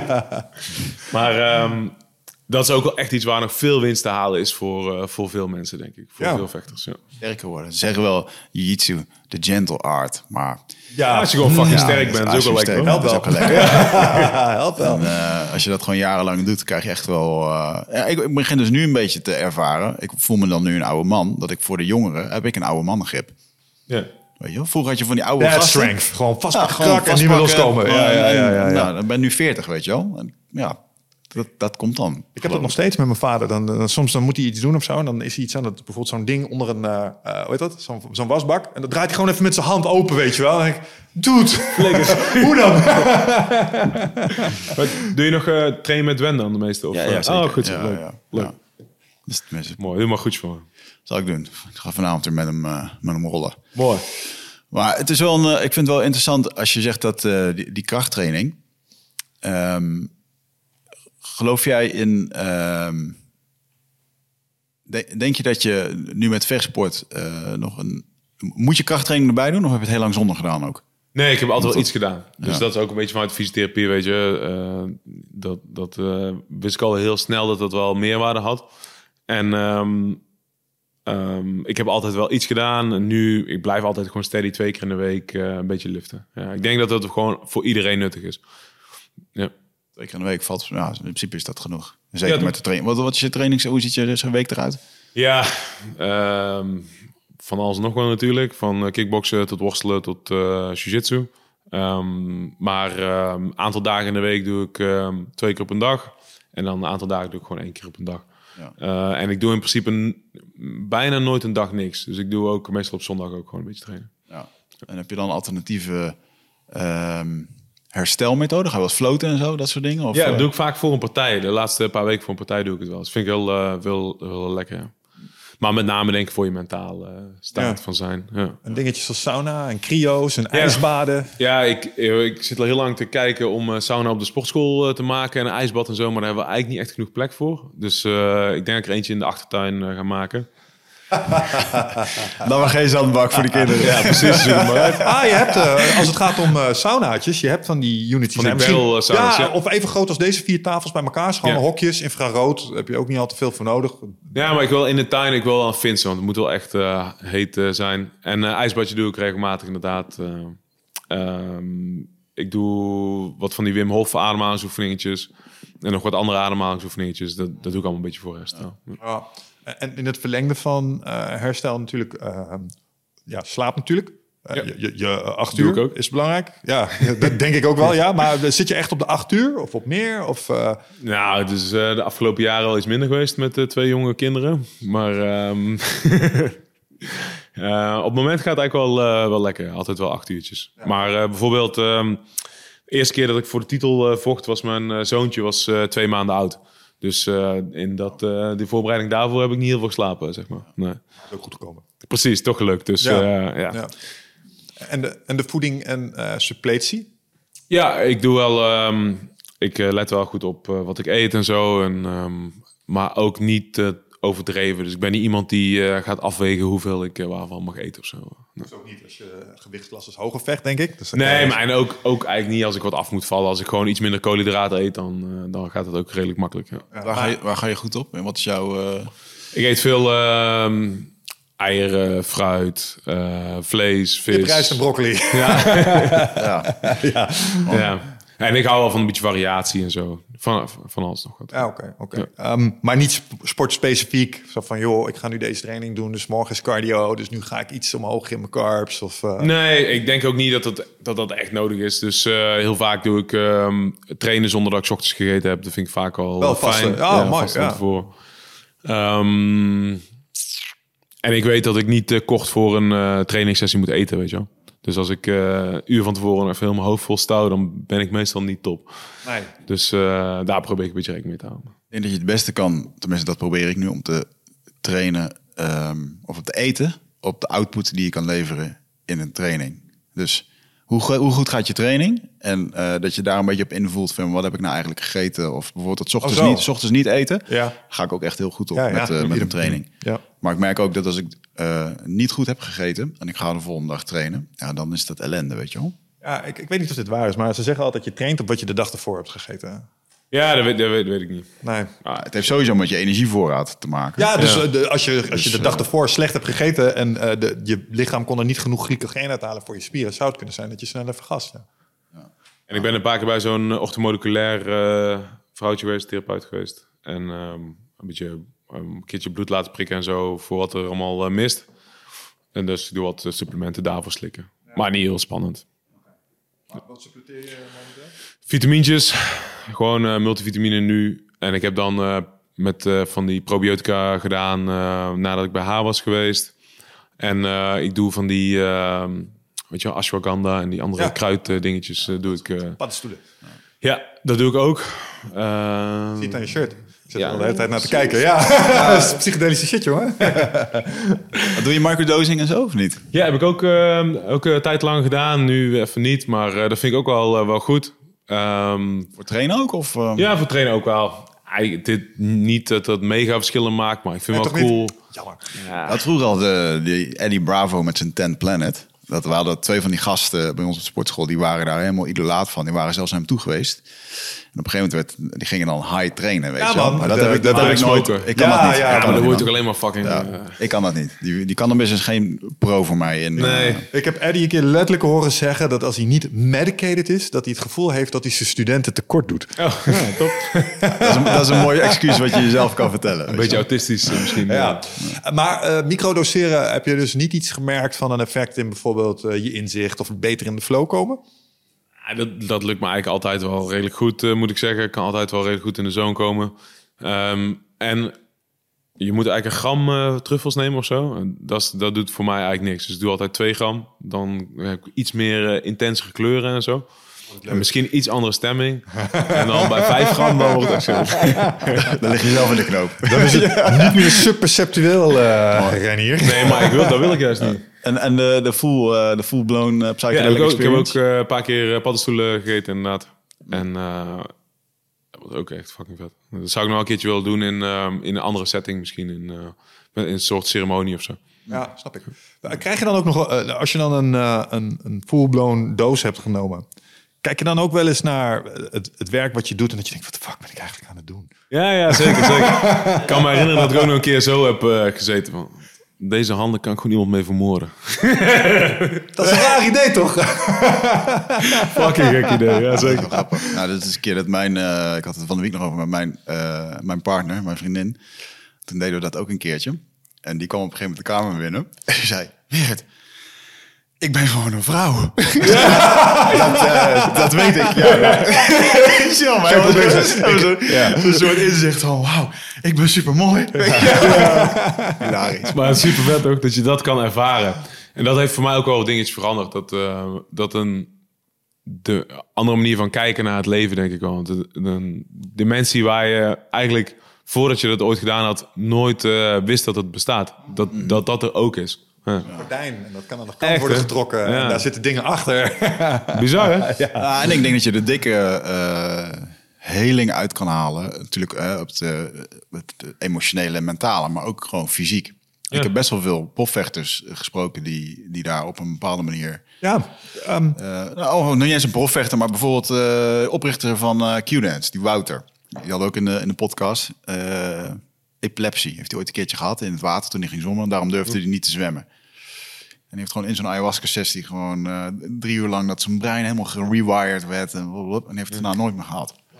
Ja, doe me denken aan iets wat jij ook zei. Dat je op een gegeven moment in een ceremonie zat en dat ietsje invloot. hey, roep even hulp, want er komt iets aan. En toen kreeg, Ja, je, nou, kreeg je een soort reset in je been of zo. Omdat ik, ik had mijn voet op eh, eh, vier plekken gebroken.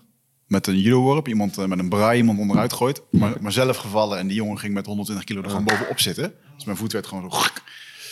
En ehm, daar heb ik jarenlang last van gehad. En dat ik op een gegeven moment... eh, Dat drie uur lang in een ayahuasca-sessie heeft mijn alleen maar dit gedaan. Helemaal op en neer. En eh, dat op een gegeven moment die shamanen die kwamen langs uit, Brazilië, een paar van die gasten. En dat het medicijn tegen me zei. Maar zometeen dan komt die shamaan bij jou in de buurt. En dan wordt het even heftig. En dan vraag je me van hulp. En dat ben jongen, dat begon. Ik voelde hem gewoon alles kraken. Mijn, bot, mijn pezen, mijn... Dat ik het echt... Oh, help, help. En toen kwam hij langs met een paar veren en dingen, jongen, echt... Mijn been heeft gewoon gegloeid heel de avond. Maar het heeft me ja, echt heling gegeven op, op, op iets fysieks. Ja, fucking cool. En dat is ook wat veel mensen beschrijven met ayahuasca, toch? Van, ehm, dat, dat ze dat soort dingetjes meemaken. Heling op verschillende vlakken. Nou, waar ik nu heel erg mee bezig ben, is dat ehm, eh, over jou, jij weet het als fysiotherapeut, er zit een bepaald fascia, dat vlies wat over je hele skelet heen zit. Dat onthoudt ook echt de, de trauma en de, de dingen die je hebt meegemaakt. En dat zit dan opgeslagen. Dus ik doe de laatste tijd eh, voor mezelf doe ik heel veel eh, de, die TRE-oefening, Trauma Release Exercise. Oh. Dat is dat je je, je psoas-spier, Ja. die, eh, dat is eigenlijk de grote spier die als eerste verkrampt op het moment als er angst, vecht, vlucht of wat, eh, wat voor situatie dan ook is. En ik kan jou hier gewoon nu tegen de muur aanzetten. eh, dat op een bepaalde manier opbouwen. Vervolgens op je rug neerleggen. Dat je je heup omhoog gooit. Ja. En dat je die spier zodanig activeert. Dat die op een gegeven moment begint die te trillen. Ja. Ja, dan lig je hier gewoon helemaal te schibberen op de grond. En dat, dat gebeurt gewoon uit een automatisme. Iliopsoas, die zit toch hier aan de binnenkant van je, van aan- je zij? aan- Ja. Aan de achterkant van je kont. En, eh, Is dat niet Piriformis? uh, piriformis? Ja, ik wou net zeggen.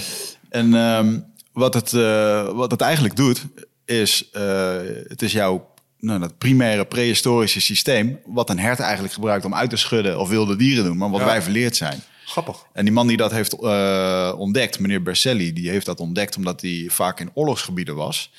Eh, mensen onderzocht met trauma. En eh, dat, dat kinderen als eerste beginnen te bibberen en te trillen. En dat is gewoon een release van spanning. Ja. En wij wordt gezegd, ja, niet trillen, weet je, je moet groot houden. Dat moeten we niet doen. Maar terwijl, nee, dat is eigenlijk je, je, je centrale zenuwstelsel wat ergens vanaf wil. Ja.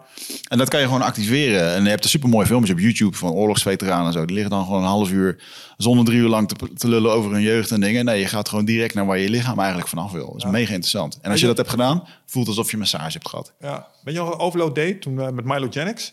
Ehm, dat is ook een soort. Ik weet weet Ja, het oké, ja. ja, maar die had het ook altijd over iliopsoas en piriformis. Zeg Ja. maar, als je nek- of eh, rugklachten. Of zo, zij ging altijd de eerste daar naartoe. Zeg maar, daar wordt alles gewoon vastgezet. Het lichaam dat vastlaat zit daar vast. En als je dat weet te releasen of te activeren, ja, basically wat jij zojuist vertelt. Ja, Ja, dat is interessant. interessant. Je hebt een eh, groot zelfhelend vermogen. Wat, eh, Hoe zie jij dat als visio? Ja, er is zoveel. Er is zoveel. Het is best wel ehm, ehm, complex om uit te zoeken waar iemands klachten vandaan komen. Zeker weten. Nee, nee, nee, snap ik. Maar eh, het feit dat, ehm, eh, dat trauma wordt opgeslagen in spierstructuren. Vind Ja. je dat ergens, eh, gaat dat ergens over als fysio? Ja, dat denk ik, dat Ja? denk ik wel. Maar ehm, dat is ook een beetje wat eh, lastig is als fysio, zeg maar. Je hebt niet altijd de ruimte om ehm, dat ook allemaal nog uit te zoeken, zeg maar. Snap je wat maar, ik je hebt bedoel? maar 20 minuten. Precies. Ja. Ja. Dus ehm, eh, ja, en dat, dan heb je nog een heel psychologisch stukje bij heel veel mensen. En ja. Hoe frustrerend is dat dan eh, voor jou als fysiotherapeut? Want vaak eh, mensen zeggen, ja, ik heb last van mijn rug. Nou, dan moet je misschien naar de fysio gaan. En dan komen die mensen bij jou. En jij wil eigenlijk zeggen, maar ja, maar jij moet eigenlijk gewoon drie keer per week zware dingen tillen. Normaal eten en eh één ding doen.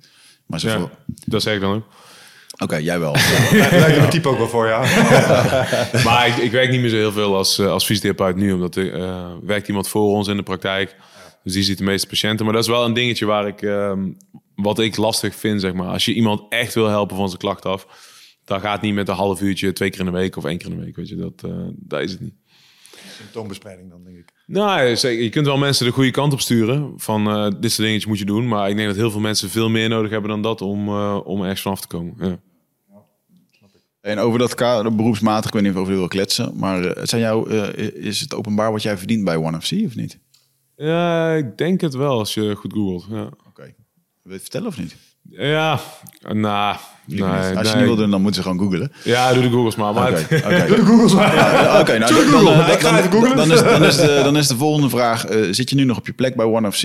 Of eh, wil je graag de overstap maken naar ja, de, de, de UFC? Kan ja, er was voor deze partij wel sprake van. Maar nu, deze gozer moeten gewoon een keertje aan. Dus dat is eh, het doel voor nu. Dat is, jouw, dat, is jouw, dat is jouw persoonlijke veten. Of maar als UFC nu zou zeggen van, yo, Renier, Kom. let's go? Nee. Oké, dat is mooi. Ja, dat is dan die interne... Deze gozer De moet gewoon een keertje aan, klaar. ja. Dat is het. ehm, en dan eh, kijken we daarna wel verder. Hey, ehm, we hebben voordat we deze podcast eh, in zijn gegaan, hebben wij op onze social media hebben we ook nog wat, eh, eh, wat vraagjes gesteld. Mhm. Mensen zijn wel nieuwsgierig naar sommige dingen. Ehm, ik zou er eens even een paar eh, aan je willen voorlezen en eh, je vragen om daar eh, op te reageren. Misschien hebben we sommige dingen al eventjes gecoverd, maar kan je er misschien nog eh, alsnog even Oh, iets ik zal zeggen, qua geld maakt het qua UFC of One maakt niet zoveel verschil. Nee, nee, ik, Over het ik had wel het idee algemeen. dat One FC goed zorgt voor zijn vechters. Over het algemeen, ja. Het kan altijd beter natuurlijk. Is er de behoefte om naar de UFC te gaan? Ah, eh, het zou wel vet zijn om een keertje te vechten daar. Het is altijd eh, de grootste, meest prestigieuze. Dus er gaat, gaat nog wel een keer eh, gebeuren. Maar eerst even wat dingen rechtzetten. Ja, nee, dat snap ik. En natuurlijk een mooie track record opbouwen. En, eh, Die is er al. Die is er al. Ja. Nee, maar verbetert je onderhandelingspositie straks richting uh, Mr. Ja, White natuurlijk aanzienlijk als je deze eerst recht zet. Precies. Ja, nee, toch, 100%. Oké, eh, een aantal vragen van onze gasten die luisteren naar deze podcast en graag iets van jou wilden weten. Ehm, je ultieme einddoel op sportgebied. Ja, het is, eh, mm, ik, ehm, de allerbeste zijn. Dat is het eigenlijk. Ja. Undisputed GOAT. ja. Alright, mooi. Wanneer, dat is natuurlijk een soort... ehm, dat is ook maar... Ja, wat betekent dat dan? Ja, precies. Dus dat is ook lastig. Heel speci veel specifieker dan dat eh, zit het niet in mijn hoofd, moet ik zeggen. Is er een vechter die het niveau heeft bereikt wat je zou ambiëren dan in dat opzicht? Ja, ik vind het heel vet dat zo'n eh Khabib ehm, eh, gewoon zonder ooit te verliezen met pensioen is gegaan. Dat vind ik wel vet. Ehm, ah, John Jones is op een ander niveau natuurlijk. Even kijken, dit is een vraag van Rick. Ehm, wat gaat er door je heen in de voorbereiding en wat gaat er heen vl- door je heen vlak voor de wedstrijd? Niks. Vlak voor de wedstrijd. niks. Ja. Dus dat is het doel. Ja, dat is het doel. Om echt leeg te zijn op het moment dat ik de kooi inloop. Ja. Ja. En zijn er dingen die je in de voorbereiding doet om, om dat moment te kunnen ervaren als je de kooi inloopt? Ja, 100%. Dus dat is ehm, visualisatie. Ook een ander dingetje wat ik doe is... ehm, ik doe graag die Wim Hof ademhalingsoefeningetjes. En dan ehm, doe ik daar een rondje van, blijf ik liggen. En dan ehm, eh, doe ik eh, mezelf eh, voorstel dat ik bovenaan die rem sta. Dat mijn muziek speelt. Dat ik naar beneden loop. Dat ik de kooi in loop. Dat ik klaar sta. En dan eh, visualiseer ik de hele partij, zeg maar, hoe dat die gaat lopen. Dat is een dingetje wat daar heel erg bij helpt. Maar ook zeker dat stukje mindfulness waar we het net over hadden. Dus ehm, ehm, gedachten laten komen en gaan. Ik denk dat dat ook heel veel meerwaarde heeft. Ben je trouwens, dat vind ik altijd fascinerend, de opkomst. Ben, je ook in die zone als je, als je opkomt? Want sommige gasten die lijken helemaal in hun muziek te zitten. Eh, Mhm. Halen ze ook nog veel energie uit de interacties. En je hebt ook van die mensen gewoon één lijn naar de ring en eh, gewoon zaken doen en weer wegwezen. Dat ben ik. Ja. Dat ben Ik, jij. eh, al die afleiding, dat is, ehm, heeft geen meerwaarde voor mij. Ik ben er maar voor één ding. Het doel is het enige wat telt. Ik denk dat dat meer een cooler ding is ook. Ja, ja, dat denk ik ook. Dat denk Ja. ik ook. En die, die, kunnen ook, die gasten kunnen ook heel ver komen. Dat is het ook juist. Maar die... ehm, ehm, als je dan nog veel energie van, de, van het publiek nodig hebt en zo. Ik denk dat dat maakt dat je niet echt een cleaner bent inderdaad. Maar. Ja, ja, ja. ja. Ehm, deze vraag is van eh, Tim van de Fan. Wat is je mantra op het moment dat je in een lastige positie zit? Ja, dus zelfs daar is het zeg maar ehm, leeg. Dat is, dat is de staat van zijn die je wil hebben als je in de zoon bent. Geen gedachten, state of no mind, ja, 100%. Ehm, ja, dat. Volgens mij heb ik daar... Mushin heet dat, hè? Ja. State of No Mind. In, eh, voor de samurais was dat Mushin. Ja, ik wou net zeggen, ik heb dit een keer gelezen in het boek eh, No Go Roshin of zo. Boek van vijf ringen van Miyamoto gelezen. Musashi. Daar heeft hij het daar ook over. Ja. State of, daar, daar kwam het inderdaad bekend van. Ik weet- Dat woord kende ik niet. Ja, dat vond, ik, dat vond ik trouwens het mooiste aan dat verhaal. Eh, weet je wat die gast, eh, die maakte er actief werk van... om de, de state of no mind bij zijn tegenstanders actief te verstoren. Ja, ja, dat en daarmee won hij. Hij heeft bijvoorbeeld wel eens een keer vijf uur in een boom zitten wachten. ja. Hadden ze afgesproken om te duelleren bij een boom. Had hij zich verstopt in die boom. En op- na zes uur kwam hij pas uit. En die gast met wie die moest duelleren... die was helemaal gefrustreerd en die kwam er niet in. En daar heeft hij toen ook korte metten meegemaakt. Ja, Ja, dat is ook echt nog steeds in de moderne vechtsport, weet je wel. Ik ben niet die persoon, maar ehm, als je kijkt naar eh, Conor McGregor of zo... die echt het bloed onder de nagels van een tegenstander eh, vandaan haalt... dat is ook zorgen dat ze niet in de zone kunnen komen. Ja, Want als je Afleiding. eh, heel mooi is met eh Jose Aldo, toch? Heeft die eerste maanden een beetje lopen pesten. En op het moment dat ze in de kooi staan, je ziet dat Jose Aldo is er niet. nee. En Conor is volledig in de zone. Ik zag dat laatst nog in een interview dat hij ook zei dat hij gewoon, hij zegt ik wil hem gewoon, ik kon hem gewoon echt in elkaar beuken, weet je wel. Precies, maar die emotie, Ja. dat, is ook heel, dat is ook heel interessant over eh, in de zone zijn.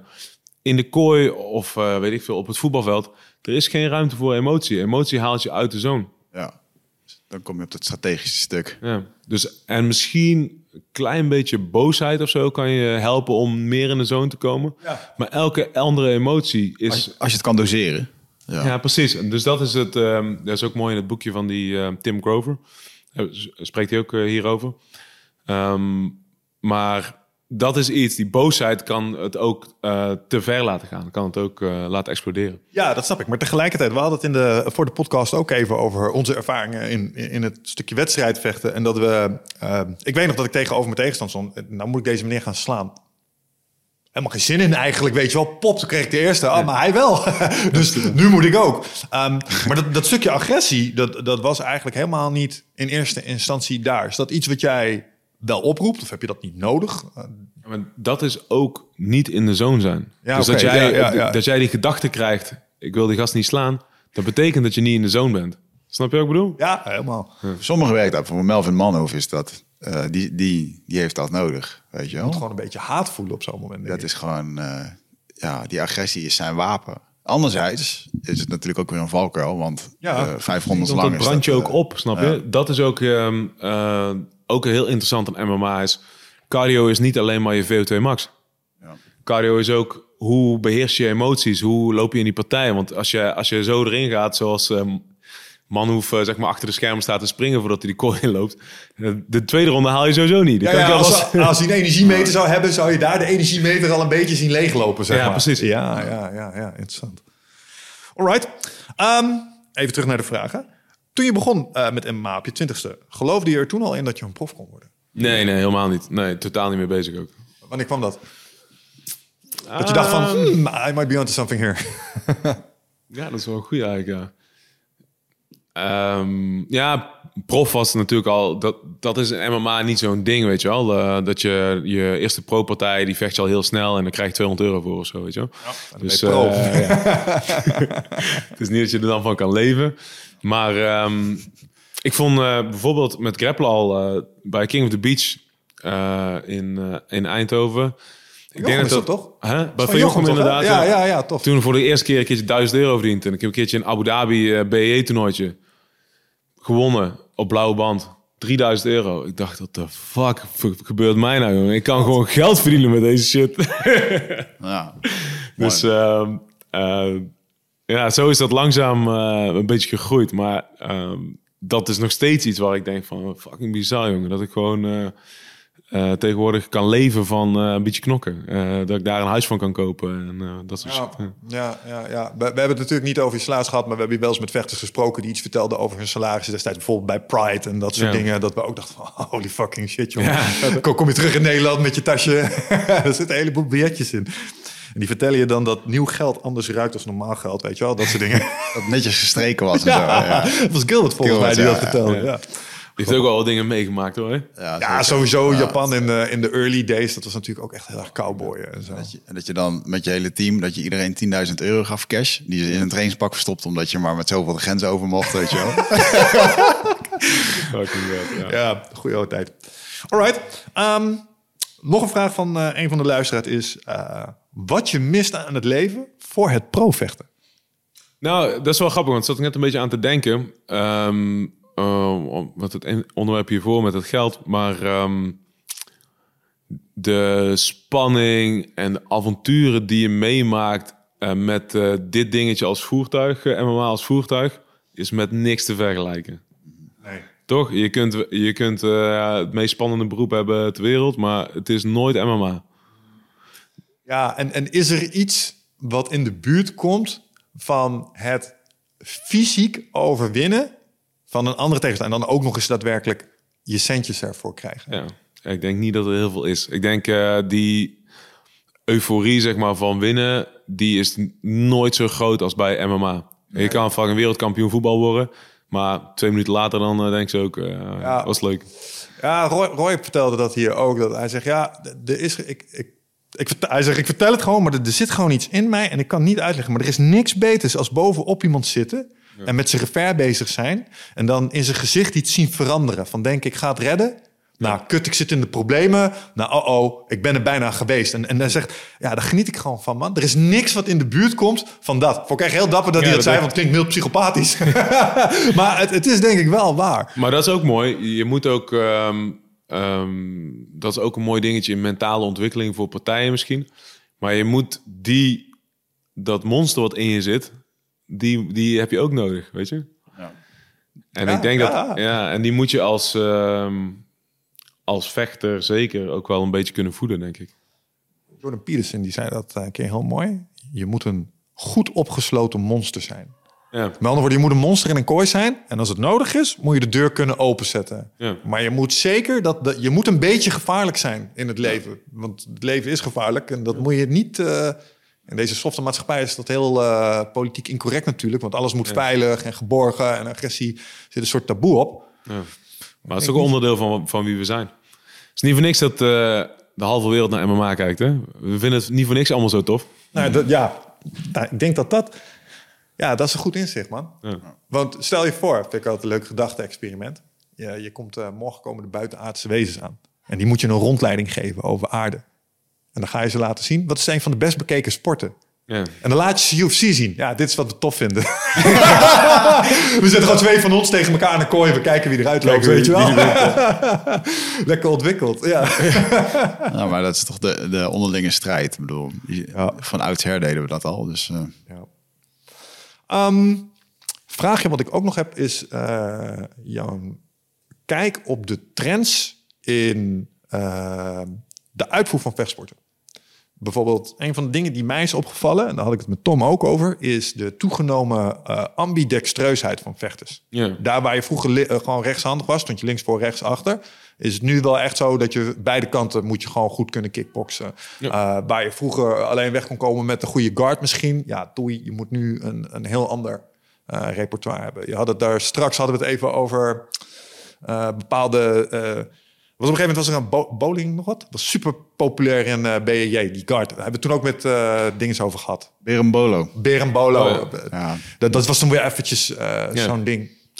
Het is mooi dat dat eh, kan, hè? dat er van die trends zijn. Dat mensen dan, eh, net zoals ehm eh, zeg maar, tot anderhalf jaar geleden was het in één keer is een paar jaar alleen maar leglocks geweest. En nu is dat ook weer opgelost. Dus het is een beetje de vooruitgang op één vlak aanvallend gezien. En dan het defensieve stukje wat een beetje achterloopt bij de meeste mensen. Die hebben dan weer wat tijd nodig om met het defensieve stukje bij te Ja, komen. En dan eh, ehm, kunnen ze dat weer eh, oplossen. Oh, is dat wat het is? Evolutie Dus er, er is een tijd lang is er een bepaalde manier van aanvallen heel populair, omdat in het Braziliaanse jiu-jitsu eigenlijk er onvoldoende verdediging is Ja, op tegen dat stukje. En dat moet dan eerst weer Dat even- spel moet eerst doorzien worden, want er is eerst maar een clubje die dat doet. Want toen had je die Berimbolo's, dat waren die Miauw broertjes en zo. Ja. En Iedereen, niemand snapte daar iets van. Dat, dat deden ze continu. Ik vind het nog steeds ingewikkeld uitzien. Ja, ik ook. Ik, kan, ik doe dat ook niet. Maar het moet ook bij je stijl passen, inderdaad. En leglocks, dat komt ook wel uit de, de Danaher Ja. squat. eh. En en als dan twee handig vechten met het staande werken een van die trends is, wat is dan iets wat je nu eh, een klein beetje ziet ontstaan, waar je rekening mee mag houden? Mm, qua staande werk? Nou, beide. Ehm, ik denk dat, eh, dat, dat je heel veel eh, voetenwerk eh, vooruitgang zult zien eh, de komende tijd. Waar ehm, het nog heel veel is en ook heel veel is geweest. Gasten die gewoon een stapje naar voren, een stapje naar achteren doen. Ik denk dat dat heel veel eh, zal eh, veranderen de komende tijd. Dat je steeds meer eh ingewikkeldere patronen ziet. Steeds minder voetenwerkfoutjes zult zien. Ik denk dat daar de komende jaren veel stappen gezet zullen worden. Ja, maar ik denk dat er ook in boksen nog wel heel veel dingetjes zijn die, die niet optimaal zijn bij heel veel vechters. Ja, nee, sure. Maar als het dan gaat om voetenwerk, zeg maar, als ik probeer te denken aan een stijl die waar voetenwerk misschien nog wel belangrijker is dan bij het MMA, dat boksen. Als ik kijk naar die hè, Ja. de afstand, het is allemaal snelle bewegende pivots met de, met de heupen, maar voetenwerk dus. En in Nederland ehm, ehm, wat meer afscheid, denk ik, van het eh, oude Nederlands kickboksen. Van eh, naar voren lopen, tegenover elkaar staan en kijken wie het hardst kan slaan. Vind, je, vind je dat kenmerkend voor de stijl van Nederland? Dat is wel heel lang wat we gedaan hebben, toch? Ja. Ja? Ja. En als ik, ik doe wel eh, regelmatig ook eh, bij Hammers eh, een beetje kickboksen. En ehm, ook wel met andere kickboxers. Maar eh, tegenwoordig wordt er wel veel meer aan voetenwerk gedacht. Veel meer op afstand gewerkt. Veel meer, eh, het wordt wel wat eh, Ja. voller en completer dan dat het vroeger was. We hebben, we hebben lang hebben we het wereldwijd heel goed gedaan op gewoon een stootcombinatie en afmaken met een low kick. Ja, precies. Dat is wat Dat, dat, dat de, niet door de rest van de wereld is opgepakt. Als je dan Amerikanen zag die met high kicks inkwamen en zo. En, of dat Engelse kickboksen, weet je, met van die lange broeken. Dat zag er nooit echt eh bizar. glimmende, glimmende trainingsbroeken. Wat, wat vind je eigenlijk van het landschap in MMA in Nederland? Ja, ehm, ik, ik weet niet wat. Nederland is een heel raar landje qua vechtsport natuurlijk. Om, ik denk een beetje omdat we zo'n eh, rijke historie hebben qua kickboksen. Maar bij ons is het nog steeds, als je gemiddeld eh, personen op straat aanspreekt en je zegt iets over vechtsport, dan iedereen kent kickboksen en MMA was dat. Dat weet, eh, weet niemand. En eigenlijk in de rest van de wereld is het precies andersom. Ehm, maar ik denk wel dat daar wel, wel iets aan het veranderen is. Er komt wel steeds meer eh, kennis van MMA. Er komt wel steeds meer eh, bekendheid van MMA. En we hebben ondertussen ook wel echt een hoop sportscholen die het wel goed doen. Die wel ontwikkelen op MMA-vlak.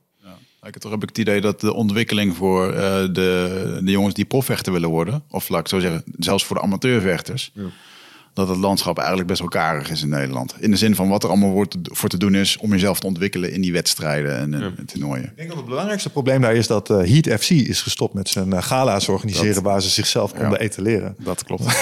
Ja, Hij heeft vroeger Vechtsport gala Ah. En het eerste waar ik aan moest denken was, ik heb het gevoel dat er minder gala's zijn waar je op terecht kan. Ja, Ja, dat is ook wel waar. En ja, dat verandert natuurlijk altijd een beetje. Maar er komen er wel weer meer. Je hebt nu eh, in Eindhoven doen ze Cage Warriors. Dat, eh, dat eh, loopt gewoon heel goed versus eh, vroeger. In een kooi ook echt? In de kooi allemaal, ja. In Nederland, dat ja, ik. ja. En ehm, LFL heb je in Amsterdam. Die hebben ook regelmatig evenementen. Dus het komt alweer eh, een beetje. Zijn wel, en dit zijn wel twee steady spelers. Op het moment die elke paar maanden evenementen hebben. Mhm. En ehm, dat stukje, die, die begeleiding, dat proberen wij in, in Breda wel steeds meer weg te zetten. Dus ik met mijn maatje, ik doe de sportschool met mijn maatje Haroon. Ehm, hij met name als head coach. Ehm, dus eh, we proberen steeds meer aandacht te geven voor de, voor de mentale ontwikkeling. Ehm, en alles wat erbij komt kijken om, eh, om te knokken. Voor die paar gekken die dat willen. Ja. Ja, dat is wel inderdaad een een gevaarlijk speelveld. In de zin van, eh, jouw sportschool draait op de 80% die gewoon lekker wil trainen. Ja, ja, absoluut. Dus daar is, ook, eh, daar is ook de meeste aandacht voor.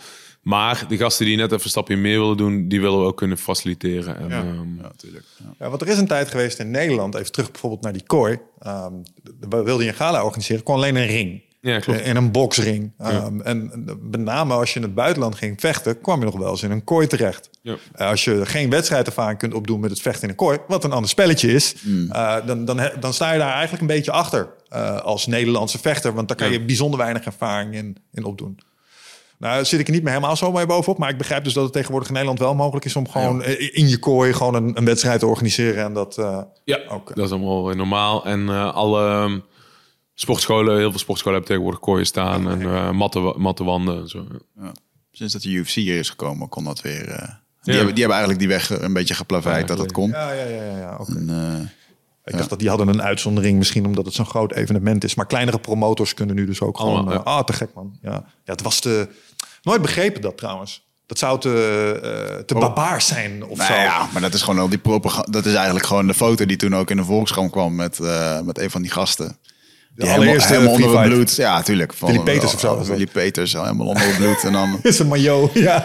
en dat waren vroeger man, die gala's. Met, ging jij nog vroeger naar die ringsgala's? Ben je Nee, nee, dat is echt voor mijn tijd. Ja, Ja. grappig. dat Ja. Ja, ik vond het heel oud. ja, maar dat, waren, dat, was wel, dat is wel een stukje culthistorie van, eh van MMA. MMA, ja. Mooi. Ja, wie waren eigenlijk de, de, de Nederlandse vechters waar jij mee bent opgekomen, die op dat moment de namen waren die, die het deden? Eh, de grootste is eh Gegard, toch? Gegard Moussassi. Dat is eh, de man, is hij nog steeds. Eh, ik train regelmatig daar.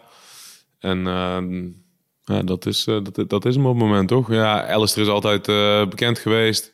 Maar niet heel actief in Nederland. Hij is nu weer meer hier aan het trainen. Hij traint ook regelmatig in Breda bij Hemmers. Ehm, maar Gegard is denk ik eh, de voornaamste. Wat maakt hem zo goed? Vind jij? Dat is een goede vraag. Ehm, Sisi. Dat is mijn ding wat ja. opkomt. Ah, dat heb, ik weet nog dat hij... eh, hij viel toen onder het management van Appie Echteld. En die deed ook Fedor. En hij toen had je al die M1 toernooien. En toen had- werd daar een keer over gesproken dat... Fedor die kon die... eh, die kon dat, eh, dat kon in één keer helemaal losgaan. Hè? Die kon dat... eh Explosie. En, en, en Gerard, Gerard, zeg ik dat goed? Ja, die, kon dan, die kon dan nog, eh, zelfs als iemand aangeslagen was, dan kon hij nog steeds in dat hele precieze blijven. En echt, elke stoot zat erop. Weet je, en dat eh, kenmerkend spelletje heeft hij daarmee. Ja, absoluut. absoluut. En als je daar, eh, die, die is leuk om een keertje hier eh, te vragen. Ik weet niet of hij dat eh, wil, maar eh, eh, die Ja, heeft- een lans voor ons breken. Ja, Ja, was een leuke het- middag en ja, een ik goede koffie. maar ehm, die heeft denk ik ook echt bizarre verhalen van vroeger. Die staat echt al van zijn achttiende of zo staat hij in de grootste kooien te knokken. Ja. Ja, is het? Ehm, eventjes kijken, heb ik nog een eh, aantal vragen voor je. Ja, ehm, dat, dat vind ik nog wel even belangrijk om eh, te adresseren. Ehm, mijn stelling is dat eh, vechtsport is fantastisch om het probleem vechten op te lossen, maar heeft ook heel veel transfer op alle andere dingen in het leven die je doet. ja. Om een aantal redenen. Wat zijn voordelen die eh, het beoefenen van vechtsport jou hebben gebracht buiten de ring? De hele goeie. Ehm, nou, dus zeg maar de standaardwaarden van vechtsport als discipline, eh, bescheidenheid, respect, al die dingetjes. ehm, daar kun je niet onderuit op de mat, zeg maar. Dus eh, al ben je nog zo'n vervelend mens, als je jaren op de mat staat, je zult een keertje bescheiden worden, want er is altijd eentje die jou pakt. Zeker als jij een vervelend ventje bent. eh. Ehm, dus eh, ik denk zeker dat. Discipline, een doel, een doel in mijn leven. Ik denk dat dat ehm, heel veel voor me gedaan heeft. Want ik was altijd vanaf de middelbare al heel erg zoekende van wat, wat moet ik nou, weet je wel. Ehm, eh, ik had nooit echt heel veel zin om naar school te gaan en zo. Was niet heel erg gemotiveerd. Ehm, omdat er ook niks was om naartoe te werken. Ik had nooit, ik had geen idee van wat ik wilde worden. Ik had geen idee van ehm, waar ik naartoe moet. En vechtsport heeft me dat wel heel erg gegeven. Ja. Een, een doel, een eh, vastigheid in je leven, structuur, weet je wel. Ja. Ik vind het wel interessant wat je zei over eh, een- een etterbakje zijn en dan op de mat staan en dat het dan een soort van gereguleerd wordt. ja. Kun je daar eens iets meer over vertellen? Nou, ehm, ehm, en zeker BJ is daar heel mooi voor. Kickboksen ook wel natuurlijk, omdat je ehm, misschien iets groffer is. Maar met kickboksen is er altijd nog, je hebt altijd nog dat ene dingetje achter van ja, ik ging niet 100% of zo, weet je wel. Want met kickboksen kun je niet 100% sparren. Want dan houdt het een keertje op. Dan gaan de, gaan de breken, Ja. ja. precies. Dan gaat er iemand eh, uitvallen. Ehm, dus er is altijd, daar zit nog ergens een smoesje, weet je wel. Van eh, ik deed rustig aan, want ik wilde hem geen pijn doen. Maar BJ is dat niet. Je gaat 100%. Je geeft alles wat je hebt en dat kan ook. En als jij ehm, net komt kijken, dan word je gewoon vijf rondjes achter elkaar afgeknepen. Misschien door een kleiner ventje, misschien door een meisje. En dat zet je wel even met je beide benen op de grond. Dat is ook een beetje hoe ik zelf eh, verliefd ben geworden op het spelletje. Want ik kwam met mijn judo-achtergrond eh, kwam ik eh, de mat op. En ehm, ik was al een keertje bij een andere sportschool geweest. En daar uh, gooide ik die gasten, choked ik ze redelijk makkelijk. Ik denk, ah, ik ben wel gewoon picky. ik ben wel gewoon fucking sterk. en toen kwam ik bij de sportschool, de sportschool waar ik dan heel lang getraind heb. En dan kwam ik de eerste keer. En is een klein vies vuil kut Braziliaantje met een blauwe band aan. Die pakt mij gewoon. Van 30 kilo lichter. En die chokte mij gewoon ronde na ronde. Ik denk, wat de fuck is hier aan de hand, joh? En dat heeft mij wel heel erg uh, geprikkeld uh, toen om uh, door te gaan. Maar ik denk dat dat ook iets is um, wat, wat, wat je in je karakter kan raken. Wat je, als jij dan daar aan de hand van dat de beslissing kan maken om te blijven gaan en beter te worden zelf ik denk dat dat een beter mens van je kan maken. Ja, ja. ja ik denk dat dat, uh, wat, dat is het ding wat Braziliaans Jiu-Jitsu zo ontzettend tof maakt. Is dat iemand die 20 kilo minder weegt als jij en misschien een stuk minder sterk is, gewoon korte metten met je kan maken. Gewichtsklasses blijven altijd een ding. Dus als, als je allebei een beetje hetzelfde kan, dan doet gewicht mee. Maar als je geen. Maar ik dus, vanaf mijn 50 judo, grote gozer, sterk. Ik denk, ah, wat is het voor, uh, voor ons in sport, jongen? Ik pak al die gasten. Maar ik kwam daar en Braziliaantje choke me een paar keer in een rondje. Dat zet me wel echt even met uh, beide benen op de grond. Ja. En als je nu judo zou moeten vergelijken met het Braziliaanse jiu-jitsu, de belangrijkste verschillen wat jou betreft? Nou, met name regels uh, tegenwoordig. Dus okay. um, um, BJ is eigenlijk uh, judo van, uh, van vroeger, denk ik. Dus um, judo is nu heel erg gehinderd door de regels.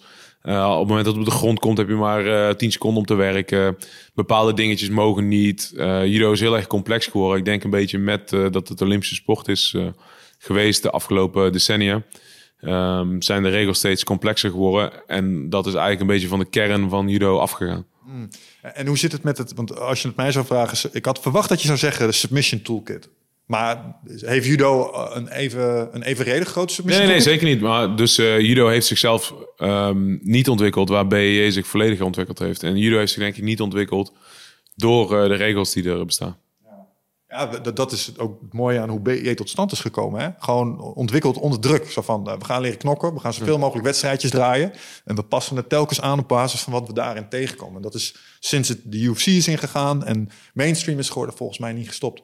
Nee, en dat is 1993. Hè? Dus ja, 30 jaar geleden. Ja. Ja. We hebben het vaak gezegd, oh, deze podcast, we worden oude mannen. Ja, maar alle, je hebt ook, ik zag laatst ook van die Romeinse uh, beelden van uh, eh, 2000 jaar terug. Um, waar, je, waar je ja, gasten met hielhoek ziet en zo. Dat is echt al zo oud. Ook hielhoek? Ja, ja. ja. ja. te gek man. Ja, dus, uh, en wat betreft die gladiatoren, die, dit is niet in films dat die elkaar afmaakten. Want eigenlijk waren dat de UFC-vechters van nu. Als je nu de UFC zou uh, laten doen op leven en dood, nou, dan zijn we binnen een jaar klaar met alle divisies. Houdt Blijft niks over. Dus dat was helemaal niet het geval. Er waren vaak van dat ook gewoon een soort MMA-achtige dingen. Oh, dus dat ging niet eens noodzakelijk altijd tot de dood. Nee. helemaal niet. Sterker nog, dat was snel door je pool. Nee, dat was ook niet handig. Super veel investeringen in zo'n gast en die kon dan in één keer weer. Uh, is niet handig money-wise. Nee, snap ik. Toen was er ook al een Dana White. Ja, ja, ja. ja, was iemand die er wel aan verdiende. Danicus ja. Whitticus. ah, vet man. Um, ja, vet. Ik vind het interessant om... Um, ik merk dat ik een beetje getriggerd ben door dat, uh, dat ja, intelligent vechten. Dat moet ik meer doen. Kom een keertje ja, ja, ja, nee, ik ga een aanpassing maken in mijn training. Ja, ja, ja. Ik ga wel eens een keertje, ja, vind ik leuk. Kom een keertje, neem hem mee. Dat vind ik ook gezellig. Kom een keertje meedoen. Leuk man. Ja, top. Doen. Kunnen jullie dat tering aan de andere kant op rijden? Ja, nou, het zuiden, het, naar het zuiden rijden voelt altijd een klein beetje als de heuvel afgaan, vind je niet? Nee, nee, naar de zon De Mooi. Ja, superman. Vet dat je langs wilde komen. Ja, dankjewel. Jullie bedankt, eh, man. Heel leuk. Veel luisteraars. Ik hoop dat jullie er ook het nodig van hebben opgestoken. En uh, ik zou willen zeggen, uh, check Reinier uit. Uh, die yes. gaat de volgende keer na zijn grapplingpartij gaat hij orde op zaken stellen in One FC. Gaat hij die beste man eventjes laten zien wie echt de baas is. Moedig hem aan. En uh, voor nu, bedankt voor het luisteren. Wigert, tof dat je er ook weer bij was. En uh, tot de volgende keer. Tot de volgende. Top, Ciao. Dankjewel mannen.